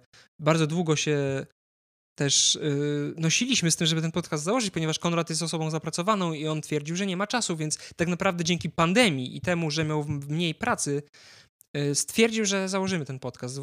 Odezwał się do mnie w maju i powiedział, ej, może załóżmy ten podcast, bo miał więcej luzu. I tak ten podcast powstał, ale od tego maja do premiery, która nastąpiła 24 sierpnia i w tym y, roku uda nam się wy wypuścić odcinek rocznicowy w rocznicę, to jest fajne. Minę, minęło kilka miesięcy, ponieważ y, musieliśmy przygotować różne rzeczy organizacyjne i musieliśmy przede wszystkim wymyślić nazwę, co chyba robiliśmy miesiąc. I to jest dość zabawne, ponieważ było kilka propozycji od takich, które... Jedna jest taka, którą zapamiętałem, bo byłem jej wielkim fanem. Y, jedna z propozycji brzmiała gadki na rajtuzach, co było grom słów i miało się odnosić do gaci y, superbohaterskich, które często Ej, w klasycznych kostiumach są na, na, na rajtuzach. No to nie przeszło, nie wiem dlaczego. Konrad to wymyślił, albo jego chłopak Mikołaj, nie pamiętam, ale uważam, że to było fajne. Nie wiem, no stwierdziliśmy, że, że nie. Znaczy ja byłem chyba jedyną osobą, która chciała. Te, uważała, że ta nazwa jest fajna. Jest super akt desperacji y, był taki, że powstały też tak absurdalne propozycje, jak moja, wulgarna, kiedy już się wkurwiłem tym, że nie możemy nic wymyślić. Zsij mi komiks, kurwo! O Boże, nie, to nie. To bardzo dobrze, że to, że to, to był raczej żart. E, no i też taka bardziej słodziutka, pierożki z komiksami. Czemu pierożki? Nie wiem. Nie pamiętam dlaczego wpadł, wpadł ktoś z nas na taki pomysł, ale Bóg Baos Thor Love and Thunder byłby dumny. Tak. Więc takie śmieszne historie dotyczące powstawania komiksmenów. E, teraz ja, tak? Teraz ja chyba. Chociaż nie. Tak, ja. Albo nie? Nie, nie ja tak, teraz. teraz ty. Czy oglądacie anime lub czy czytacie mangi? Jeśli tak, to jakie? O mangach już mówiliśmy, tak. a z anime mamy chyba podobny Tak, stosunek. no ja nie oglądam anime. Chociaż moja psia psi jedna usilnie próbuje mnie do tego przekonać, ale ja się jeszcze opieram mocno. No nie moje klimaty, no.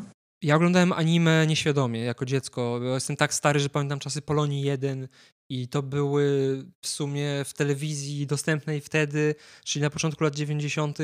jedne z nielicznych kreskówek, które w ogóle leciały i to w pasmach, więc oglądałem te wszystkie bajki, uważając, że są to bajki włoskie, ponieważ one były, to były japońskie bajki z włoskim dubbingiem, polskim lektorem, albo francuskim dubbingiem. Jesus!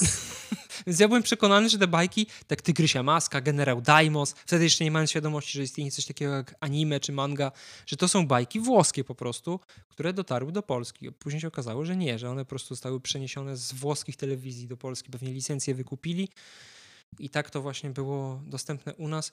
Ale tak poza tym to była tylko jedna, jedno anime, które oglądałem, Great Teacher Onizuka. To, to było coś, co mi się podobało w miarę. Ja jakieś anime kiedyś oglądałam z polecenia Oli, która pracowała z nami, ale nawet nie pamiętam co to było. No całkiem mi się podobało, ale no jakoś no ja nie czuję tego vibe'u kompletnie. Tak, ja, ja mam to samo. No, klimat, klimat odrzuca. No, co tam dalej? No dobra. Mm, czy planujecie zrobić jakieś spotkanie ze słuchaczami, na przykład nagrać odcinek live? No obstawiam, że ja byłabym do tego już bardziej chętna niż Sergiusz, bo uwaga, fun fact, Sergiusz jest aspołeczny. Jestem aspołeczny, ale też y, w sumie myślałem nad tym, żeby zrobić jakąś relację ten, z tym Q&A, żeby zadawać pytania na żywo, ale y, nie wiem, czy mam zbyt małą wiarę w naszych fanów, czy po prostu widzę, jak to wygląda. Ja bardziej w nasze zdolności technologiczne, jakby się pięć razy wyłączył to komputer. Mój kot trzy razy by wszedł do pokoju, zaczął się drzeć, że mam w tym momencie zejść na dół, dać mu jeść, albo go wypuścić, albo zrobić jakieś 50 tysięcy innych rzeczy, które chcę, żebym zrobiła. Bo Bobsu uwielbia przeszkadzać mi, domagać się czegoś ode mnie, jak kiedy nie mogę, na przykład jak piszę egzamin. Tak, i pewnie, no tak, pewnie nie umieliśmy tego włączyć, pewnie nie umielibyśmy wam udzielić głosu. tak. Były pewnie problemy mm, liczne. Mm, myślałem o tym, ale bałem się, że osób będzie po prostu za mało i będzie trwało 5 minut z racji tego. W sensie, jeżeli chodzi o QA, ale jeżeli chodzi o jakieś takie spotkania, powiedzmy? Jeżeli jesteśmy według Was aż tak interesującymi osobami, że chcielibyście z nami rozmawiać, to możemy o tym pomyśleć w przyszłości, coś zorganizować. Ja jestem otwarty. No to byłoby ciekawe. Ja byłam bardzo chętna na coś takiego. W końcu poznać, kto nas słucha, kto wypisuje do nas komentarze Dokładnie. i zadaje nam pytania. Teraz ja? Tak. Jakie filmy obejrzeliście w życiu najwięcej razy? No to w sumie u mnie chyba najwięcej razy był Titanic. Co roku, przynajmniej raz w roku na święta go oglądam, ale swojego czasu oglądałam go przynajmniej 10 razy rocznie. Boże! A tak, ale ja go oglądam od dziecka, tak dosłownie. To jest jeden z pierwszych filmów, który ja pamiętam, że świadomie oglądałam. Bardzo blisko pewnie też jest Harry Potter i Więzienia z Kabanu. Ja w sumie Civil War widziałam przynajmniej 50 razy. Naprawdę? Nie ma żadnego Tak. filmu, który widziałem 50 razy. Nie z tą 50 może przesadziłam, ale 20 to lekką ręką, bo ja 6 razy byłam w kinie na tym filmie. Kurwa, nie, to nie, nawet nie wiem, czy A później 20. go oglądałam zawsze jak miałam zły humor, kaca, cokolwiek. Ja jestem osobą, która nie lubi powtarzać się i nie lubi dwa razy oglądać albo doświadczać tego samego, w sensie produktów popkulturowych. Rzadko wracam do książek, do komiksów, filmów gier, ale tak jak wspomniałem wcześniej, no to Powrót do przyszłości, to, to na pewno kilkanaście razy widziałem, bo też tak jak ty Titanica, ja to oglądałem od dziecka, był taki moment, w którym praktycznie cały film na pamięć znałem, w sensie polskie, bo ja oglądałem z lektorem, popełniając ogromny błąd, Y, ale polskiego lektora znałem na pamięć, potrafiłem wyrecytować praktycznie cały film od początku do końca. Pierwszą część oczywiście, bo, bo ją oglądałem najczęściej. A drugim filmem chyba, który najczęściej oglądałem, a raczej trylogią też, to będą Gwiezdne Wojny oryginalne, no. To też ja około widziałam... 10 razy myślę, że widziałem. A czy nie, ja to jakieś 2-3, no Zemstę Sithów widziałam pewnie, no 10 razy. To fun fact, mój braciszek, który po prostu już tak bardzo chwilami miał dosyć mojego emocjonalnego podejścia do filmów i seriali, jak któregoś razu właśnie wszedł do mnie do pokoju. Jak patrzy na mnie, a ja taka zapłakana, po czarna raz patrzę, Boże, co się stało? No ja mówię, że no Anakin przyszedł na ciemną stronę mocy. A mój brat, a czegoś ty się kurwa spodziewała? Oglądałaś ten film już ze 100 razy, co myślałaś, że tym razem nie przejdzie? I fun fact, naprawdę za każdym razem odpalając zemstę Sithów liczę na to, Że że zakończenie będzie inne. Ja bym nie chciał, żeby było inne, bo wtedy by nie powstała oryginalna trylogia. Nie no tak, nie no, w w ogóle postać Anakina, to- nie, to nie byłoby Vadera, nie no, broń Boże, nie. No ale ja bym, ja bym chciała, żeby oni zrobili serial What If i żeby był jeden taki odcinek, aczkolwiek ja na przykład osobiście uważam, że to w sumie dobrze, że się stało jak się stało, bo z Kamilem naszym sporo na ten temat dyskutowaliśmy, że o wiele gorzej dla galaktyki w takim dłuższym rozrachunku byłoby, gdyby Anakin nie przeszedł na ciemną stronę mocy. Ale to już jest temat na dłuższą rozprawę. Tak, to prawda. Dobra, teraz kto Ty. czyta? Teraz ja? No. E, o, to ciekawe. Mhm. Co studiowaliście? Czy żałujecie, że wybraliście ten kierunek? Jeśli tak, co innego byście wybrali? No, Dziennikarstwo i prawo. E, Dziennikarstwa do tej pory nie obroniłam, prawo właśnie kończę. Ja wiesz, na studentka. No, moja odyseja ze studiami jest dosyć skomplikowana. Bywało różnie. Bywały momenty, kiedy faktycznie żałowałam. Ja z prawem to w ogóle miałam przygodę, na, początku rzucałam, w ogóle później zmieniałam w ogóle specjalizację i teraz dlatego dopiero je kończę. Długa historia. No, dziennikarstwo, przyznam szczerze, no, niczego mi się w życiu nie przydało tak naprawdę, ale myślę, że gdybym. I tu bym swojego czasu twierdziłam faktycznie, że żałuję, że to są wyrzucone pieniądze. Nie bez powodu pracę oddałam, do tej pory tego nie broniłam. Znaczy, powodów jest więcej, ale. no, nie wiem, no. Nie uważam, żeby mi ten kierunek był jakoś wybitnie potrzebny, zwłaszcza, że w naszym zawodzie to tak naprawdę nie trzeba mieć skończonego dziennikarstwa, żeby w nim pracować. Ale gdybym nie poszła na to dziennikarstwo, nie poznałabym jednej z moich najbliższych przyjaciółek. Pozdrawiam Agniesia. Wiem, że nas nie słuchasz, ale i tak cię pozdrawiam. Agniesia to psychowanka Ironmana. Prawie umarła podczas e, e, seansu. Kojarzę way. z opowieści. Tak. Plus, no prawdopodobnie nie poszłabym do pracy do antyradia. No Istnieje taka spora szansa, więc... I nie powstałby ten podcast, bo E, byśmy się nie spotkali prawdopodobnie. Ja z moją dokładnie. społecznością w życiu bym cię nie poznał, jeżeli nie był Wiele bym rzeczy, zmuszony do tak. tego, żeby cię poznać. wiele rzeczy w moim życiu się nie wydarzyło, więc ja wychodzę z założenia, że niczego nie powinno się w życiu żałować, a no pójścia na prawo to już nigdy nie będę żałowała. Poznałam wielu wspaniałych ludzi, wiele się o sobie nauczyłam. Plus dowiedziałam się bardzo wielu ciekawych rzeczy. Prawo jest fascynującym kierunkiem, mimo że no nie wszystkie gałęzie prawa są dla mnie fascynujące. prawo handlowe, podatki. Brzmi strasznie. Prawo karne jest fascynujące.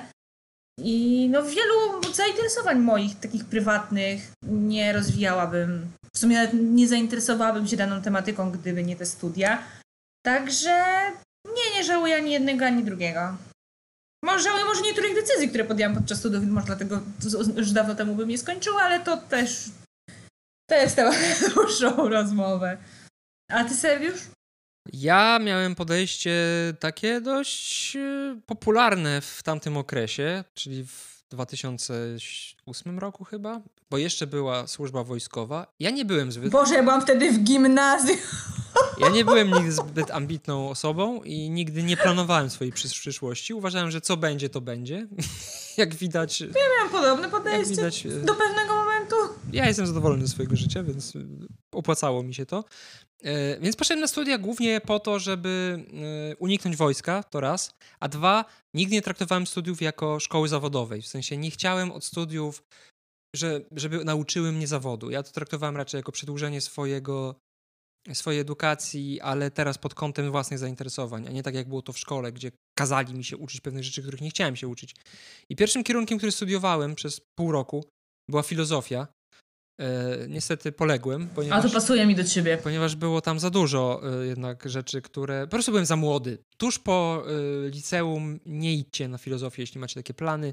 Skończcie sobie najpierw jedne studia, mo może być to pierwszy stopień, dopiero później pójdźcie na filozofię, jeśli chcecie, bo nie ma to sensu po prostu. za mało się wie. Słuchaj, ludzie są różni. Dla, u niektórych może by pykło. Być może, chociaż. Nie generalizuj. Ja tam poznałem. Większość mojego roku to były osoby, które miały już albo skończone studia, albo były na którymś tam roku innych kierunków, które po prostu przyszły się rozwijać osobiście e, i dlatego przyszły na filozofię. I, i te osoby raczej do końca zostały. A te osoby jak ja, które przyszły od razu po szkole, odpadły dość szybko, ponieważ no, no, wymaga to jednak trochę innego spojrzenia na świat. No i moim drugim wyborem, y, który był w sumie alternatywą dla filozofii, gdy mi się nie dostał, było kulturoznawstwo, na które poszedłem i które skończyłem oba, oba stopnie, więc jestem magistrem kulturoznawstwa z, mm. ze specjalizacją medialną, więc teoretycznie pracuję w zawodzie. Teoretycznie pracuję w zawodzie i to jeżeli, jeżeli chodzi o moją pracę zarobkową, czyli Radio Z w tym momencie, czyli dziennikarską i jako podcaster też, bo moją pracą magisterską yy, była analiza komiksów. Co prawda nie były to komiksy Marvela, wręcz przeciwnie. Alan Moore, w tym również Strażnicy. Więc jeżeli byłoby pytanie, który komiks najczęściej czytałeś, to było, byłaby odpowiedź prosta. Stra Strażnicy, których czytałem kilkanaście razy. Ale akurat w przypadku tego komiksu jest to zasadne, ponieważ za każdym razem odkrywasz jakiś mały, drobny szczegół, który powoduje, że eksploduje ci mózg, więc jest to piękny komiks pod tym względem również. E, pisałem po prostu o Alanie Murze, więc mogłem przy okazji realizować swoje prywatne zainteresowania w ramach ukończenia studiów, więc uważam, że to była dobra decyzja. Niczego nie żałuję, nie chciałbym na inne studia iść, mimo tego, że na UMCS-ie, gdzie zaczynałem kulturoznawstwo, poziom nie był zbyt wygórowany i wielokrotnie narzekałem na to, że, że po prostu jest to trochę strata czasu, ale poszedłem później na most do Warszawy na UW i tutaj poziom był o wiele lepszy i tutaj się dowiedziałem. Tak naprawdę przez te chyba półtora roku czy rok spędzone na moście, to rzeczywiście to, to były studia, które dużo mi w życiu dały, nie tylko zawodowo, nie tylko osobiście, ale ogólnie poszerzyły moje horyzonty, w przeciwieństwie do tych poprzednich lat spędzonych w Lublinie na UMCS-ie. No, więc tak wygląda e, moja przygoda z edukacją wyższą. Okej. Okay. E, kolejne pytanie o Konrada. E, czy wróci do podcastu? Już odpowiadaliśmy. Czy słuchacie innych polskich podcastów, na przykład napisy końcowe Impor... Karol Paciorek, nie jestem w stanie wymówić tej nazwy, lub Rok i Borys? Ja nie. Ja słucham Paciorka czasem, dzięki Aśce, dzięki namowom, namowom naszej koleżanki Asi, która kocha Karola Paciorka. nie wiem, czy mogę to mówić, jeżeli Karol Paciorek nas słucha i to słyszy. W każdym razie e, zaczęło mi się kilka jego pod, podcastów słuchać i słucham ostatnio coś w sumie, co mogłoby cię zainteresować. Podcastu Piąte Nie Zabija i podcastu kryminalnego Justyny Mazur, gdzie są głównie polskie zbrodnie przedstawiane w fajny sposób. Polecam serdecznie. Groszek też słucha z nami, bo śpimy z psami w łóżku, a słuchamy zazwyczaj podcastu wieczorem, więc jak tylko włączamy głośniczek i jest ten charakterystyczny dźwięk, taki blub, to wtedy Groszek się od razu podrywa i już wie, że tak zwana baba z głośniczka zaraz przemówi. I bardzo się z tego powodu. No nie wiem w sumie, on się tego boi, on się na to cieszy, ale reaguje zawsze tak żywo na panią Justynkę. Tak, no, czytaj. Czy już wszystko... Boże, zrobiłam minę jak, jak Jelena.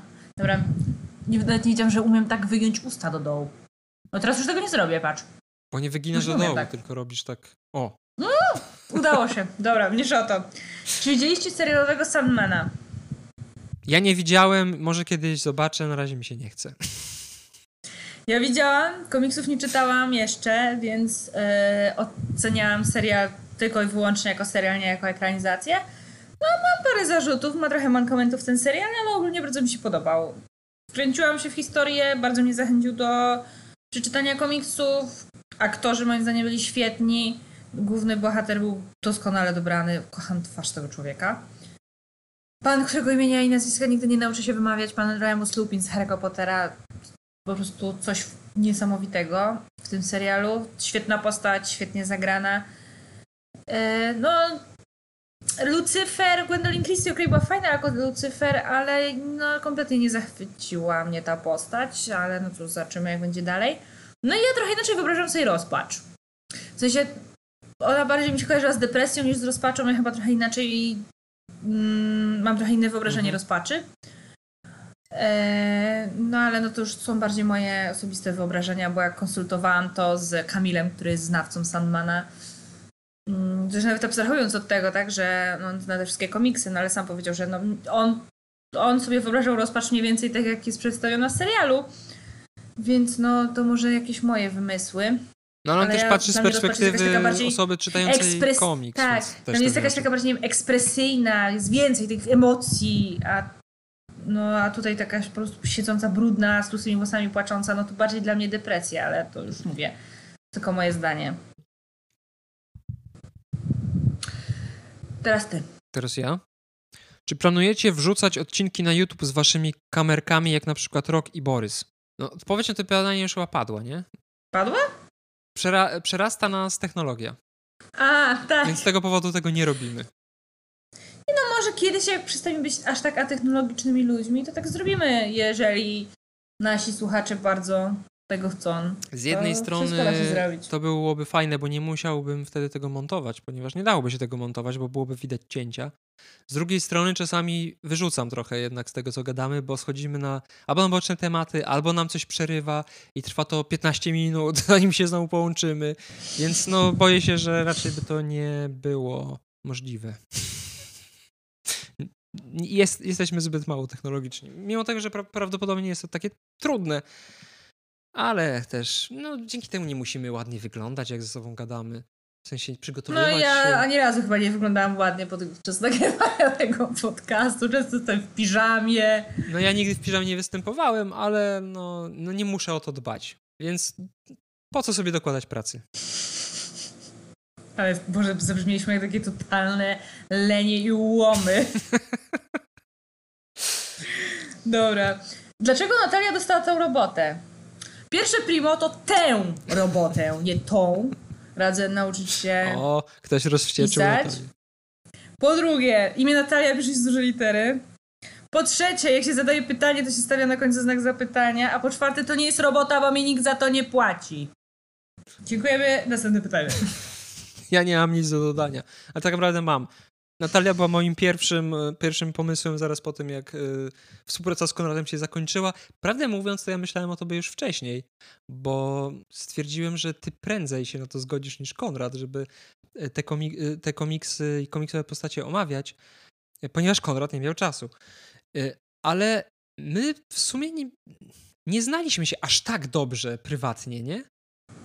No, głównie praca. Tak naprawdę nas też zbliżyła pandemia. Wszystkich w ogóle w Antyradiu mam takie wrażenie. Tak, my... tak, bo my się nigdy nie spotykaliśmy poza pracą, bo siedzieliśmy tych ileś tam godzin dziennie razem, a dopiero właśnie jak nastała pandemia i tak trochę utraciliśmy ten kontakt, więc założyliśmy sobie konwersację na e, Messengerze i początkowo ona służyła po prostu do wymienia, do pisania, informowania się nawzajem, jakie tematy piszemy, bo jeszcze wtedy pracowaliśmy wszyscy razem, tak?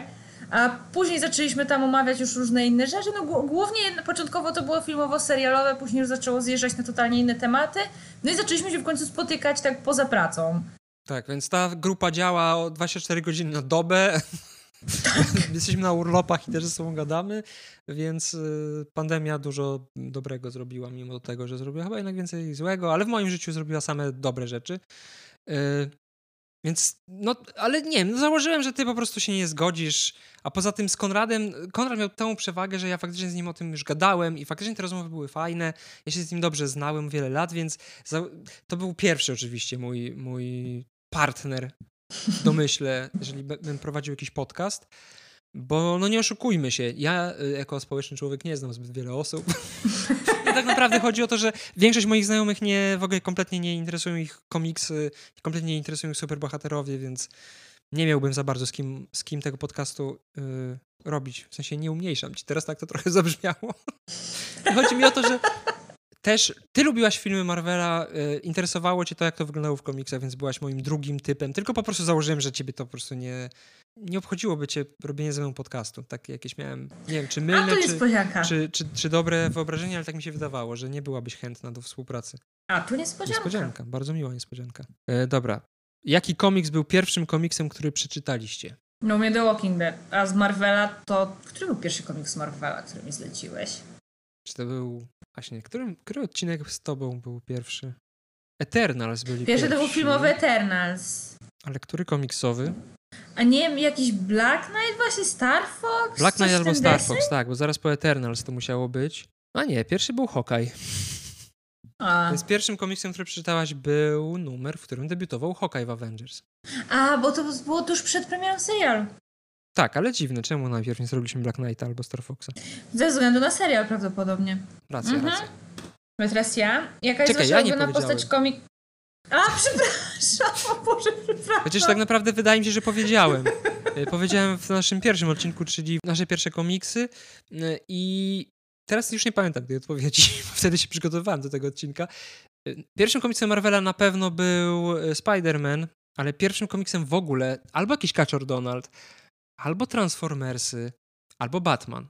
W każdym razie coś na pewno z tej czwórki czy tam trójki. Ale nie pamiętam mojego pierwszego doświadczenia komiksowego. Pamiętam moje pierwsze doświadczenie komiksowe Marvelowe, pamiętam moje pierwsze, pierwszą styczność z Batmanem. Musiałbym sprawdzać po, po numerach, yy, albo w ogóle jeszcze coś innego. Jakieś Looney Tunes, też takie komiksy się ukazywały w latach 90. Nie wiem, no coś, coś w tym stylu. Ale konkretnie nie pamiętam. Okej. Okay. Jaka jest wasza ulubiona postać komiksowa i do której jesteście podobni? To zaczynaj. Moją ulubioną postacią komiksową był taki odcinek, który się nie nagrał, który nagrywaliśmy z Konradem. I to był odcinek o ulubionych postaciach komiksowych. Więc teraz, jeżeli kiedykolwiek będziemy planować taki y, odcinek, to będzie mały spoiler, bo na moim pierwszym miejscu zawsze pozostanie Storm z X-Men. To jest moja ulubiona postać komiksowa.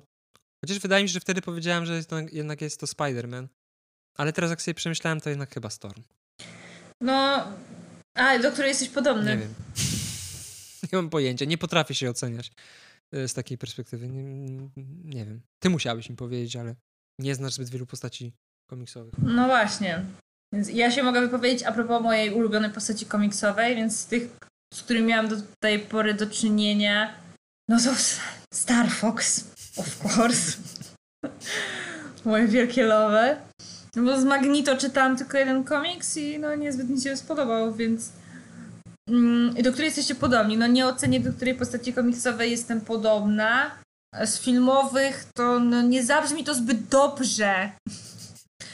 Ale mam dużo wspólnych cech z Tonym Starkiem. I to tych negatywnych. Nie, nie jestem tak mądra jak Tony Stark. Jesteś eee... też alkoholiczką, chyba. No, no, alkoholiczką nie jest. No nie jest to ten poziom, tak? Nie jestem abstynentką, alkoholiczką też nie, ale no, jestem material girl. Jestem primadonną wypujałego czasami. Jestem wredna, sarkastyczna. No. E, no, sporo wspólnego też z Wandą. Jestem bardzo niezrównoważona emocjonalnie. Jak gdybym miał się porównać do jakiejś postaci z filmów, to chyba jednak bym wybrał. Mimo tego, że to prawdopodobnie tego nie widać ani po tym podcaście, ani być może z obcowaniem moim ciebie ze mną, to chyba jednak Hulk, ponieważ ja naprawdę jestem przez większość czasu wkurwiony i to na maksa. A właśnie w sumie też właśnie, ja też, tak, i to ja, ja też. Dobra, teraz ty. Teraz ja.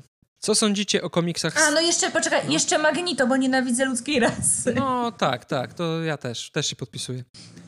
Co sądzicie o komiksach Marvela y, Star Wars? Te nowe, jak i stare? No ja się nie wypowiem.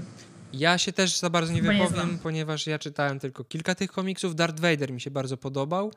Tobie polecam, bo możesz zajrzeć w głowę Dartha Vadera zobaczyć przeszłość, przyszłość.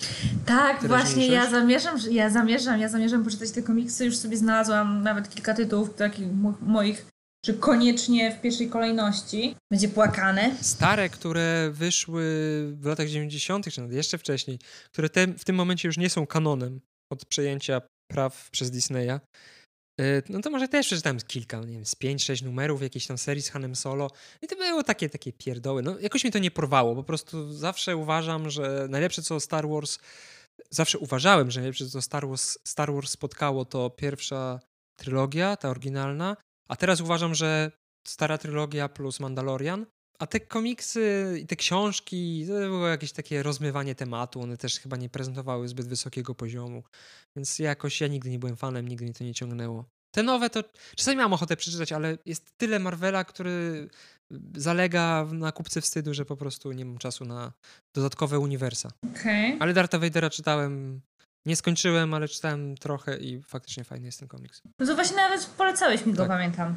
Jakie są wasze pasje oprócz uniwersum Marvela? W sensie tu chodzi tak pasje ogólnikowo, czy pasje popkulturowe, skoro tutaj dodany jest ten Marvel? Bo tak nie wiem, jak mam rozumieć to pytanie. Nie wiem, bo ja łączę pasje ogólnikowe z popkulturowymi. Więc w moim przypadku nie ma to rozróżnienia za bardzo. No ja już mówiłem, figurki, obecnie pieski, ponieważ dowiaduje się wiele rzeczy na temat behawiorystyki piesków. No, nie jestem zbyt... Ja mam raczej określone takie ściśle rozrywki. Głównie komiksy i figurki, no. Ostatnio to tak, to, to najbardziej. No i filmy wiadomo, no ale to jest, to jest tak odpowiedź, po prostu każdy odpowiada. Filmy i, i muzyka, no.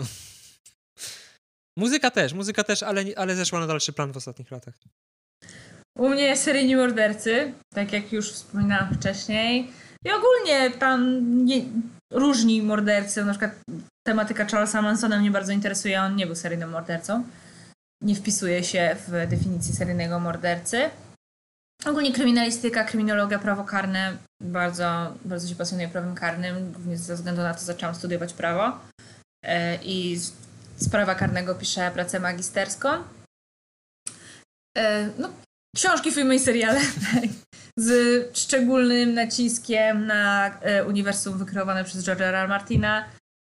Jego książki, Gra o Tron, mimo że ja ostatnio to w sumie doszłam do wniosku, że u mnie to nie jest tak, że ja nie lubię ostatnich sezonów Gry Tron.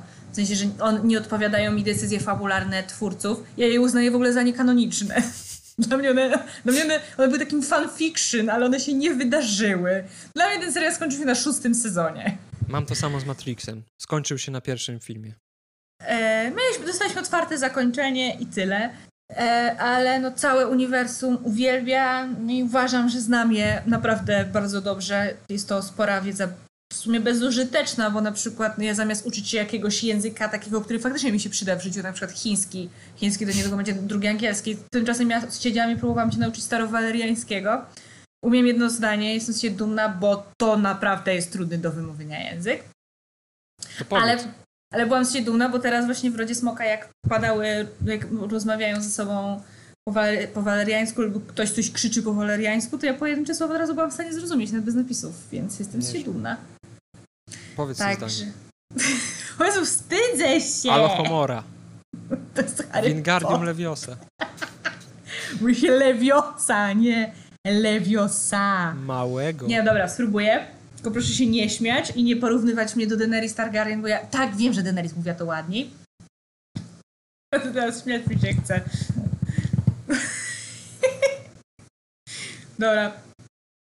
spojrzę sobie na smoczka, bo oczywiście wiąże się ze smokiem. A, to ty zgadniesz, co powiedziałam. Ha. Na pewno zgadnę. Mam nie patrzeć? Tak, nie patrz, nie patrz.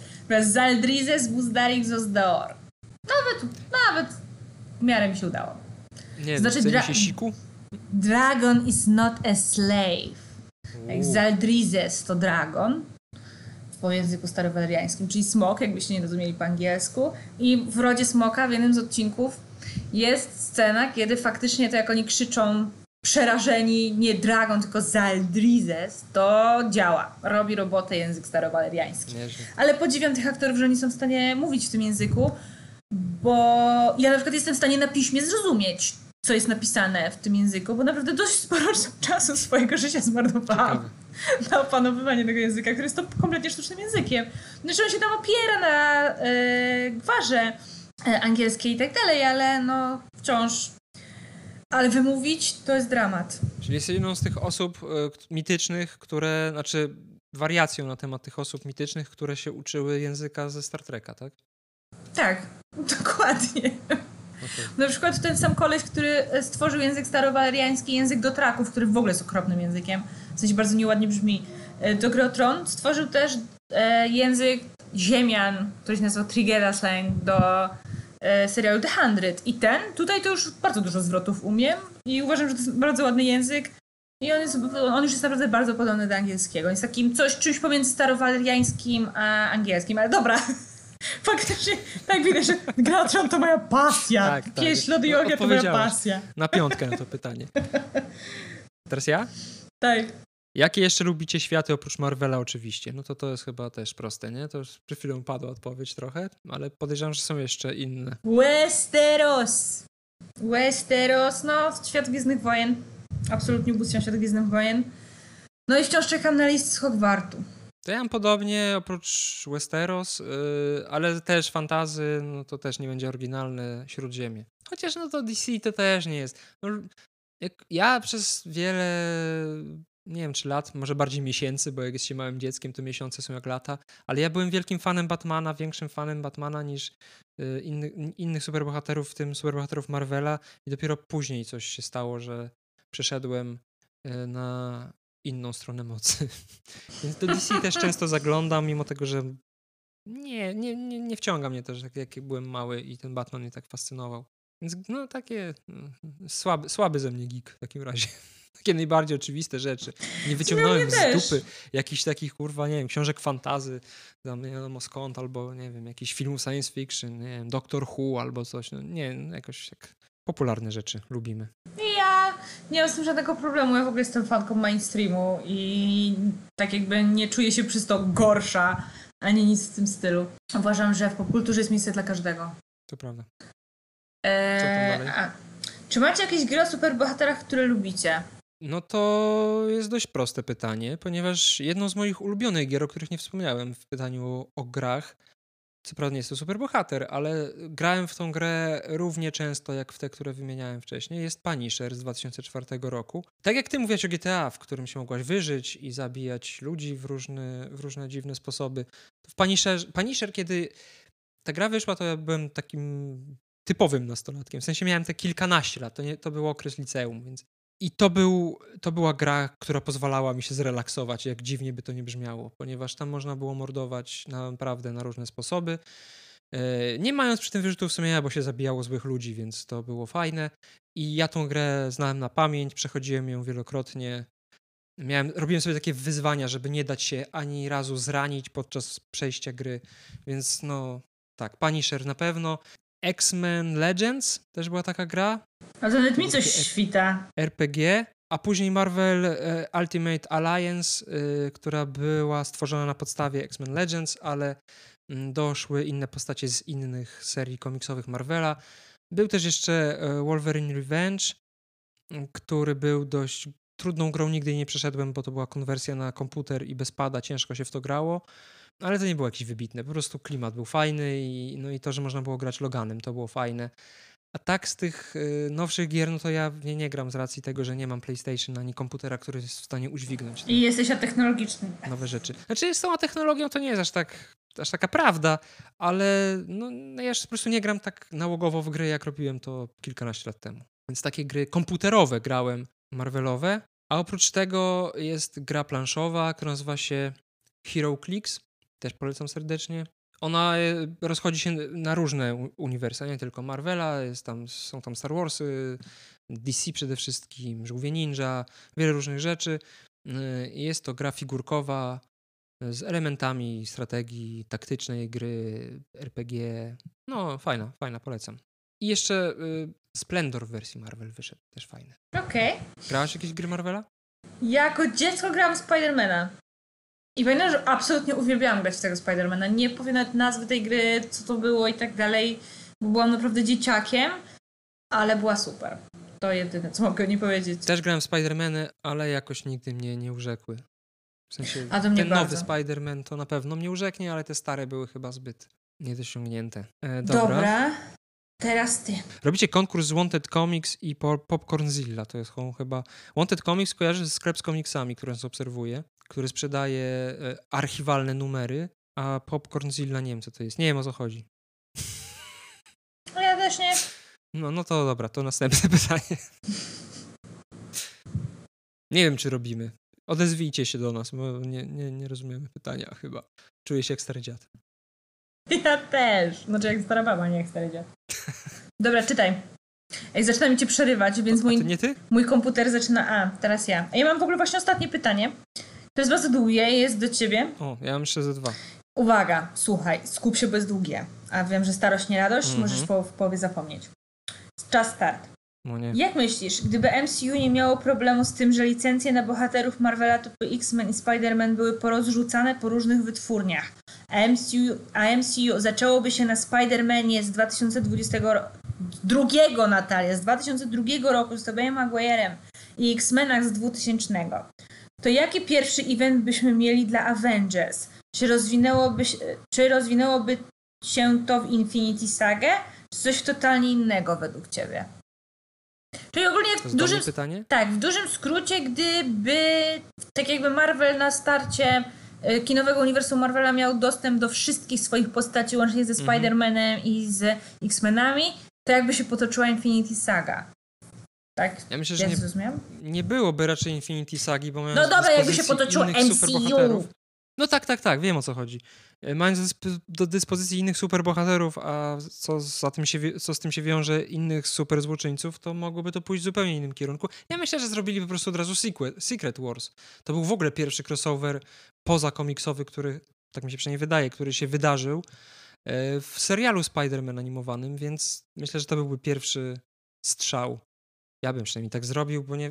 Chociaż z drugiej strony jest to trochę głupie, bo wtedy by się tą poprzeczkę wysoko postawili i ciężko było później doskoczyć do tego poziomu. No nie wiem, ciężko mówić, no ciężko gdybać. Ja się cieszę, że tak się nie stało, bo ani nie jestem fanem pierwszej trylogii Spidermana, ani nie jestem fanem serii X-Men filmowej, więc y, no myślę, że to poszłoby w takim kierunku. Jeszcze znając zapędy ówczesnych twórców filmowych, to myślę, że poszliby w takie właśnie efekciarstwo i w takie proste rozwiązania. Na pewno by nie planowali tego tak, jak robi to Kevin Feige teraz, więc myślę, że mogłoby to być jakiś Secret Wars albo inne tego typu wydarzenie. Chociaż pytanie jest do mnie, to jak chcesz, to się wypowiedz, bo ty jesteś ekspertką od filmów, nie ja. No ale to bardziej to jednak chyba już wiedza komiksowa jest tutaj potrzebna. Nie czuję się kompetentna w sumie na odpowiedź na to pytanie. Na pewno moim zdaniem nie byłoby Infinity Sagi. Zupełnie inaczej by się to potoczyło, bo obstawiam, że jednak Kevin Feige, czy tam kto tam był wtedy decyzyjny, nie znam się na tym aż tak dobrze, na tych samych początkach. Zarząd Marvel Studios raczej nie stawiałby na te niszowe postacie, którymi wtedy byli Iron Man, Thor czy Kapitan Ameryka, tylko skupiliby się właśnie na X-Men, na Spider-Manie, na Fantastycznej Czwórce. Więc moim zdaniem to MCU wyglądało zupełnie inaczej. Znaczy, z tym Kapitanem Ameryką to też nie jest do końca tak. Myślę, że No dobra, no ale na pewno nie byłby tak ist- też się pojawiał Ale nie byłby tak istotną, w sensie nie, był, nie byłby tak centralną postacią, jaką jest na początku MCU, w sensie Infinity Sagi. Jeżeli zrobiliby faktycznie od początku, oprócz Spidermana, oprócz Fantastycznej Czwórki, oprócz X-Men, jeszcze do tego Avengers, czyli cztery tak naprawdę najważniejsze grupy w uniwersum Marvela, to byłby pewnie też ważny, chociaż faktycznie to, to jest to, co ty mówisz. Oni nie byli aż tak popularni jak Spider-Man, nie byli aż tak popularni jak X-Men.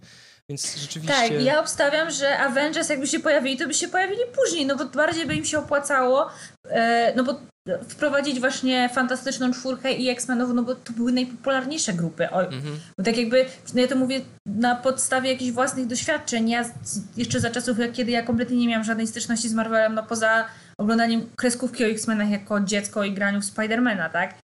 No to właśnie te superbohaterowie, no to kojarzy mi się okej okay, z Batmanem i z Supermanem, sorry, no a tak to przede wszystkim Spider-Man, Fantastyczna Czwórka, mhm. X-Meni. No tak, no. Ewentualnie, a jeszcze Hulk.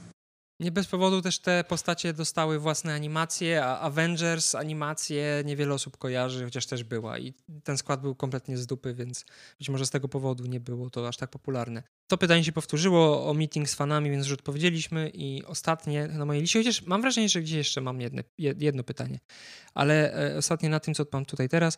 Czytacie e, albo czytaliście komiksy z kaczkami? Chodzi o uniwersum Kaczora Donalda. To nie, nie, nie ja miałem styczność jako dziecko, ale nawet lubiłem, nawet lubiłem te, te wszystkie rzeczy, ale jakoś specjalnie mnie to nie, nigdy nie kręciło i jakoś specjalnie mnie to nigdy nie wciągnęło na tyle, żebym jakoś się tym zajarał, więc mnie Kaczor Donald trochę irytuje przez to, że on jest taką postacią, jak ze, z taką slapstickową postacią, po prostu. Jest postacią, której się nie da lubić. A jedyna przyjemność z jego przygód to to, kiedy mu się dzieje krzywda. Przynajmniej miałem takie e, wrażenie, jak myślę sobie o Kaczorze Donaldzie, więc nie jest to moja ulubiona postać. Okay. E, wydaje mi się, że jeszcze nasz wierny fan Mister Ziemniak zadał nam na YouTubie e, pytań kilka i ja nie wiem, dlaczego ich tutaj nie mam, więc zaraz zobaczę szybko komentarze, komentarze na YouTubiku. Mm, dobra, to ja ci wyślę jedną część pytań, a, a ja przeczytam drugie. Dobra? Mhm. Dobra, to ja zaczynam. Mhm. Jaki jest wasz ulubiony komiks? To było. Okej, okay, to tak co było, to po prostu... Jaki jest wasz ulubiony film spoza MCU? To było. Mhm. Jaki jest według was najbardziej niedoceniony film MCU? Thor Love and Thunder! Uh, dla mnie Incredible Hulk. Bawi mnie to, bo dla mnie jest nawet przeceniany. Naprawdę? Ja się spotykam z samymi negatywnymi. Już jeden na dziesięć. A, przez ciebie jest przeceniany, tak? Nie, że ja uważam, że ludzie go przeceniają, bo oceniają go wyżej niż A, powinni. o to ci chodzi. Myślałem, że to była ironia, dobra. Dobra, jaki jest wasz ulubiony film i komiks DC? Komiksów DC nie czytałam ja, e, więc się nie wypowiem, a film e, The Suicide Squad Jamesa Gana. W ogóle ostatnio doszłam do wniosku, że to jest mój ulubiony film superbohaterski. Nieźle. Tak w ogóle ze wszystkich, więc... Ja teraz zaprzeczę temu, co mówiłem wcześniej, yy, czyli że nie uznaję do końca Strażników jako komiks DC, ale to jest łatwa odpowiedź, więc mówię, że Strażnicy. A film chyba Batman e, Bartona. Tu taka nostalgia przeze mnie przemawia. Bartona? Ogromna, ale chyba tak.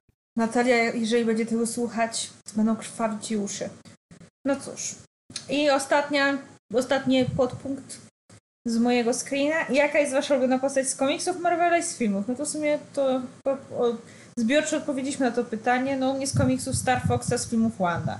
Z komiksów y, Storm, a z filmów nie pamiętam, co mówiłem w odcinku o... Gruta. Gruta, okej, okay, dobra. Ja, ja mam tak, że ja ogólnie mam problem z takimi ulubionymi rzeczami. No już mówiłeś to kilka Ja, ja mam tylko jedną ulubioną rzecz tak naprawdę. Ulubiony zespół. Jest to Bad Religion i to jest jedyna rzecz, którą, którą mogę w ciemno powiedzieć, że to jest moja ulubiona rzecz, ale... Ja też mam ulubiony zespół. Ich troje. ale... To było pół żartem, pół serio. To się ogólnie kocham ich troje, ale no nie, no nie jest to, nie jest to mój ulubiony zespół. E, to, ja mam raczej tak fa fazami, że są momenty, w których coś lubię, a w których nie lubię, więc to, że ja powiedziałem kiedyś, że Grud jest moją no tak postacią, samo. to nie znaczy, że tak będzie do końca życia. Dobra, to teraz pytania e, dodatkowe od brata Mister Ziemniaka, chociaż jeszcze nie słucha podcastów, prawdopodobnie dlatego naszych, prawdopodobnie dlatego, że jesteśmy wulgarni. E, co sądzicie o serii Marvel Comics? Chodzi o pięciotomową serię dla dzieci 8+, wydaną przez Egmont. No to ja się nie wypowiem. Ja też nie wypowiem, bo tego w ogóle kompletnie nie znam. Jaka jest ulubiona figurka Marvel Legends Sergiusza i czy Natalia zamierza je zbierać? Nie, ale zamierzam kolekcjonować Funko Popy. Na razie mam Wanda i Kapitan Amerykę. Ostatnio Wanda w stroju halloweenowym. Ostatnio próbowałem namówić naszą wspólną koleżankę Asię do zbierania, czy zbierania, do kupienia sobie figurki doktora Strange'a, ponieważ znalazła jakąś statuetkę, która była bardzo droga, więc poleciłem jej tańszą alternatywę w postaci Marvel Legends Doktora Strange'a, ponieważ ma pierdolca na punkcie Doktora Strange'a po Multiverse of Madness, ale nie spodobało jej się wykonanie i brak podobieństwa do Benedicta Cumberbatcha, więc nie, nie, nie, nie wciągnąłem w swój nauk kolejnej osoby. A moją ulubioną figurką Storm Klasyczna Storm z, z dwupaka z Thunderbirdem z 2020 chyba roku. To jest figurka, na którą czekałem lata, figurka, która idealnie odwzorowuje tą postać i jestem z niej bardzo zadowolony i kocham całym serduszkiem. E, jaka jest wasza ulubiona postać ze Star Wars? Jego ulubioną postacią jest Darth Vader. No to to chyba wszyscy wiedzą. Anakin Skywalker, no i, no i też Vader, tak ja ich uważam za dwa oddzielne byty, a jednocześnie no, część tej samej postaci bo to jest dla mnie, Vader jest etapem życia Anakina po prostu, że tak to ujmę, to jest trochę bardziej skomplikowane, ale nie będę się teraz rozwodzić nad y, głębią psychologiczną Anakina Skywalkera. No ale tak Anakin i Vader, a na drugim miejscu jest R2-D2. Ja mam na pierwszym miejscu Chewbacca, a na drugim miejscu Jodę. Jodę z, y, pierwszych filmów, bo późniejszy mi się nie podoba. Okay. Ale w sensie z, ory, z oryginalnych. Tak, starego tak? Jodę, w sensie... który zdycha w chatce z główną. Tak, dobra. Tak, to jest mój noszony w plecaczku przez Luka, to jest Joda, którego kocham całym sercem. Dobra. E, co, co sądzicie o fankopopach? Zbieracie te figurki? No ja bardzo lubię fankopopy, bardzo mi się podobają te figurki. No nie jestem w stanie wytłumaczyć sama czemu, ale uważam, że są przyurocze. I tak zamierzam zostać kolekcjonerką. Mam właśnie, mam Wandę, mam Kapitana Amerykę, mam Rosa, z przyjaciół jako Sputnika i mam Nocnego Króla na Viserionie z Grotron. Całkiem pokażę Teraz czekam na fanko popy rodu Smoka. Jak na kogoś, kto uważa, że nie jest kolekcjonerką, to całkiem dużo masz tych figurek. A no jeszcze poluję na Peacemakera i Igliego. Ja ogólnie nie przepadam, w sensie mm, ja, ja kolekcjonuję figurki zdałem sobie z tego sprawę po latach. Dlaczego tak naprawdę je kolekcjonuję? Dlatego, że to jest uosobienie postaci z komiksów w formie 3D. Nie ma innej możliwości, żeby zobaczyć postać w 3D. Znaczy są statuetki też, no ale w każdym razie wszystko sprowadza się do figurek. To jest przedstawienie postaci z komiksów w formie trójwymiarowej, dlatego zbieram te, e, te figurki i chcę, żeby były jak najwierniejsze oryginałowi, więc mnie fankopopy nie interesują, ponieważ są zbyt karykaturalne i zbyt no tak. kreskówkowe. No i też nie posiadają żadnych punktów ruchu tak zwanych. A ja jako kolekcjoner i przy okazji fotograf w tych figurek Zależy mi na tym, żeby były jak najbardziej ruchome, po to, żeby ustawiać w różne pozy i odtwarzać kadry z komiksów. Więc ja nie zamierzam y, kolekcjonować ich i nie kolekcjonuję. Kolekcjonujecie Lego? Ja mam Hedwigę Lego i moim jednym z moich największych marzeń, takich materialnych, jest Titanic Lego. Jest coś takiego? Tak, jest gigantyczny, to jest jeden z najdroższych. To jest chyba najdroższy e, zestaw Lego, na drugim miejscu jest chyba Sokół Millennium. No, Sokole Ale jest taki, wiesz, gigantyczny, gigantyczny i no jest absolutnie wspaniały. Cudowny też jest w ogóle mm, Lego Hogwart, mm -hmm. bo on ma, on jest tak szczegółowy, on mm -hmm. ma mhm. tam tyle takich drobnych elementów, że jak ja go zaczęłam w sklepie Lego, to się zakochałam. Więc ja, gdybym było mnie na to stać, to bym sobie kupiła wszystkie te zestawy Lego popkulturowe. Nie wiem, gdzie bym to trzymała, trudno, kupiłabym sobie dodatkową chałupę na to, bo bym była bogata jak ten Stark. Ja na szczęście nie zbieram Lego, ale czasami mnie korci, jak przechodzę koło sklepu Lego, ponieważ spełnienie moich marzeń z dzieciństwa. Zawsze marzyłem o takich sklepach, jak byłem mały, takiego czegoś w Polsce nie było. Lego sobie można było kupić co najwyżej w kiosku albo w nielicznych sklepach z zabawkami. Zawsze marzyłem o statku piratów i zawsze marzyłem o Lego Star Wars, o Lego Batman, o Lego Marvel, więc ja sobie robiłem z tych figurek takie customy jakby, nie? Mhm. Albo udawałem, że jakaś figurka jest Batmanem na przykład. Teraz to jest pewnie moich marzeń, ale wolę zbierać Marvel Legends niż Lego, więc... Y, więc nie, nie zbieram Lego i nie zamierzam. Chociaż czasami mnie faktycznie korci, jak to widzę, jakie to jest fajne. I ostatnie pytanie. Jaka jest wasza ulubiona postać... Nie, to nie to pytanie. Jaki jest wasz ulubiony y, wykonawca, zespół muzyczny? I tutaj cię to ucieszy. Jego ulubionym wykonawcą jest Harry Styles. No, Harry Styles jest subcio. Nie mam. Ja przede wszystkim zawsze powtarzam, że ja się nie znam na muzyce, ja słucham absolutnie wszystkiego. Eee... No dobra, disco polo słucham tylko jak jestem naj... bardzo, bardzo pod wpływem alkoholu i na imprezie. Tylko wtedy. eee, nie mam w sumie ulubionych wykonawców. No, jak już mówiłam, lubię ich troje. Bo od dziecka kocham. No bardzo lubię Harry'ego Stylesa. Bonnie Tyler. Wielbię to. Jakbym miała wskazać swój ulubiony głos, to jest chyba właśnie głos Bonnie Tyler. No Queen uwielbiam, no, no chyba wszyscy lubimy Queen, to jest dosyć taka, taka oklepana odpowiedź. Krzysztofa Krawczyka lubi, bardzo lubię słuchać. Marka Grechuty. Szymona Wydry. No, no mówię, nie mam, nie mam jakichś takich konkretnych wykonawców. Ja po prostu, ja czasami nie mam fazy. Aż spojrzę na Spotify, czego ja tam ostatnio słucham, to się, no ale będzie, przy, ale będzie przypał. Ale bardzo kocham Pezeta. Wszyscy kochamy Pezeta. Jest wieszczem narodowym. A pana, który śpiewa według Klocucha najładniejsze A na świecie, czyli Rafała Brzozowskiego? Nie wiem, czy kiedykolwiek słuchałam Rafała Brzozowskiego. Ja tylko dzięki Klocuchowi. Mm, tak patrzę, patrzę, czego ja tam ostatnio tam se słucham. I ma to nic kon- absolutnie konkretnego, to jest totalny rozrzut. No mówię, nie, nie mam. Nie mam nikogo takiego konkretnego. Tylko, że no, piąteczka, bo też lubię Harry'ego Stylesa. E, uważam, że koleś ma absolutnie fantastyczny, ale to fantastyczny głos. E, no, no i Bonnie Tyler. I Michał Wiśniewski. To jest moja fantastyczna Okej, trójca.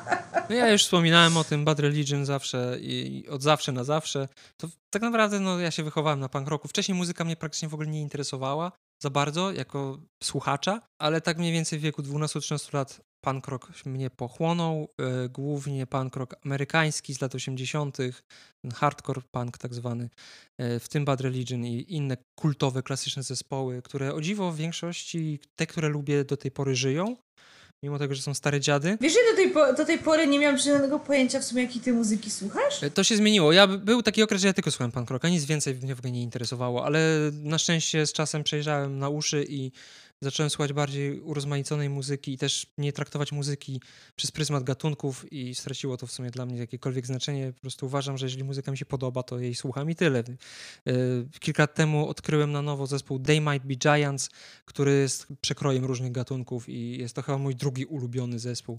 A z takich nowszych punkowych rzeczy, w sumie teraz już nie nowszych, ale nowszych, kiedy, e, kiedy to się pojawiło, Against Me, e, to jest chyba mój drugi ulubiony punkowy zespół, mi się wydaje przynajmniej. No, lubię też, to jest w sumie pochodna, w sensie punk rock moim zdaniem jest pochodną innego gatunku, który lubię, czyli country i ogólnie muzyki folk, to też zawsze jest. Boże, lubisz country? Ale nie takiego prześnego, amerykańskiego, dziadowskiego, tylko takiego klasycznego country Johnny Cash, Hank Williams, ale również jego wnuk Ja Hank Williams trzeci. A to nie, poczekaj, Hanka Williamsa nie grał przypadkiem Tom Hiddleston? Być może, Film jest z Lizzie Olsen. być Czekaj, może. Bo jestem prawie pewna. A jak? No, nie widziałem tego filmu, ale... I Saw the Light, historia Hanka Williamsa. Więc takie rzeczy, y, no i folk, ale taki folk powiedzmy zachodni, znaczy anglojęzyczny. Anglojęzyczny folk, czyli Wielka Brytania i, i właśnie Stany Zjednoczone to jest to, co do mnie dociera, bo w tym Ja ja, czuję punkowego właśnie. Znacznie bardziej, ja jestem znacznie bardziej mainstreamowa i oklepana i mało oryginalna niż ty, bo w sumie jest, jakbym miała wskazać gatunki muzyczne, których najczęściej słucham, no to jest taki stary, klasyczny rock, takie najbardziej stare, klasyczne rzeczy, jakie tylko się da, no i polskie rapsy. No nie tylko polskie, tak, kochamy Minema i tych wszystkich innych tam, ale no nie jestem znawcą, No ja tak jeszcze, jeszcze szanuję bardzo y, dorobek muzyczny Klocucha też. Też polecam, też słucham. No to ja nie. Tak, tak. Okej. Jeżeli chodzi o polski rap, to tak. To Klocuch to braci mój ulubiony. Figo, braci Figo Fago też bardzo A no lubię, to ale to też na tak, tak, imprezach. ale to raczej w ramach żartu niż y, na poważnie. Jakiego żartu? Pisarz miłości to jest poezja. Znaczy, no dobra, no, masz rację. E, No dobra, skończyliśmy. Myślałem, że ten odcinek będzie trwał 40 minut, trwa ponad dwie godziny. Ja też. Pytań było bardzo No dużo, ja bardzo też. dziękujemy wszystkim, którzy do nas napisali. E, Szczególnie Nolberczakowi, który wysłał nam chyba najwięcej pytań. Zawalił nas tymi pytaniami, dosłownie. Drugie miejsce ma Mister Ziemniak i jego brat, którzy też mieli dużo pytań do nas. Ale to nie znaczy, że ich e, jakoś tutaj hołbimy bardziej. Wszystkim bardzo serdecznie dziękujemy. Ja jestem szczerze mówiąc zaskoczony, ale jak widać po prostu nie wierzę w was. Myślałem, że, że, że jest was mniej i albo, że nie, że macie w dupie to, kim my jesteśmy i przychodzicie tutaj tylko po to, żeby posłuchać o postaciach z filmów i komiksów Marvela. A jak widać nie. Miłe, fajne. To ja na koniec mam jeszcze do ciebie jedno pytanie. No. Jak ci się tutaj ze mną gada przez ten prawie rok już? Chujowo. Odchodzisz, tak jak Konrad. Minął rok. Sayonara. Cześć. Nie, no jest bardzo sympatycznie. Dowiedziałam się bardzo dużo ciekawych rzeczy o uniwersum Marvela, zwłaszcza o komiksach. Pokochałam dzięki tobie Star Foxa. No. A masz jakiś ulubiony odcinek, który nagraliśmy? A właśnie, było takie pytanie na Instagramie, to jest to pytanie, które ja widziałam. To czemu I nie ma go w screenach. Przegapiliśmy jakieś pytanie. Tak. Przegapiłem, kurwa. Ulubione... Nie sprawdziłem wiadomości na Instagramie. Boże, i ser... Serio? Tak, tam jest więcej pytań. Boże, Sergiusz. Boże, Sergiusz, no tak, tam były Chce- pytania. Czy chcemy to nadrobić? No, te, słuchaj, ja mam dzisiaj jeszcze dyskusję o rodzie smoka. Ym, czekaj. To odpowiemy na nie w kolejnym odcinku, bo to się już przedłuża. A mi pęka pęcherz. Tak, ale na pewno właśnie było pytanie o nasz ulubiony odcinek Comicsmenów. Na bank było takie pytanie. To masz taki? Nie, ale ja Boże, ale to było dawno wysłane. Z dwa tygodnie temu. Nie, to nie, ja był John Krasiński. Wiedziałem, że coś jeszcze było, czego nie sprawdziłem. Jakieś źródło pytań, którego nie sprawdziłem. O Jezu, Jezu. No Boże, to ja nie, bo to było dawno. Czy ja mogę skoczyć do toalety? Nie, no dobra, ja szybko tylko odpowiem na to pytanie, resztę odpowiemy w następnym odcinku, bo to już za długo trwa ten odcinek. tak. E, no mój ulubiony odcinek to...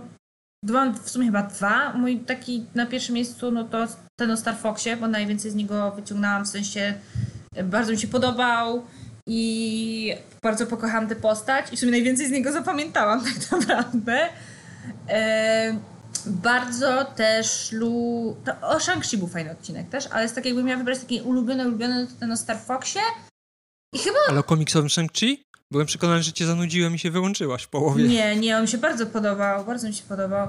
No i z filmowych, no to chyba paradoksalnie o Multiverse of Madness. Mi jest ciężko powiedzieć. Chyba o Miss Marvel, ale to dlatego, że to jest Miss Marvel i oba odcinki Miss Marvel uważam za moje ulubione. Najprzyjemniej A- mi się po prostu mówiło. Mm, no i o Gorze. O Gorze też bardzo lubię nasz odcinek.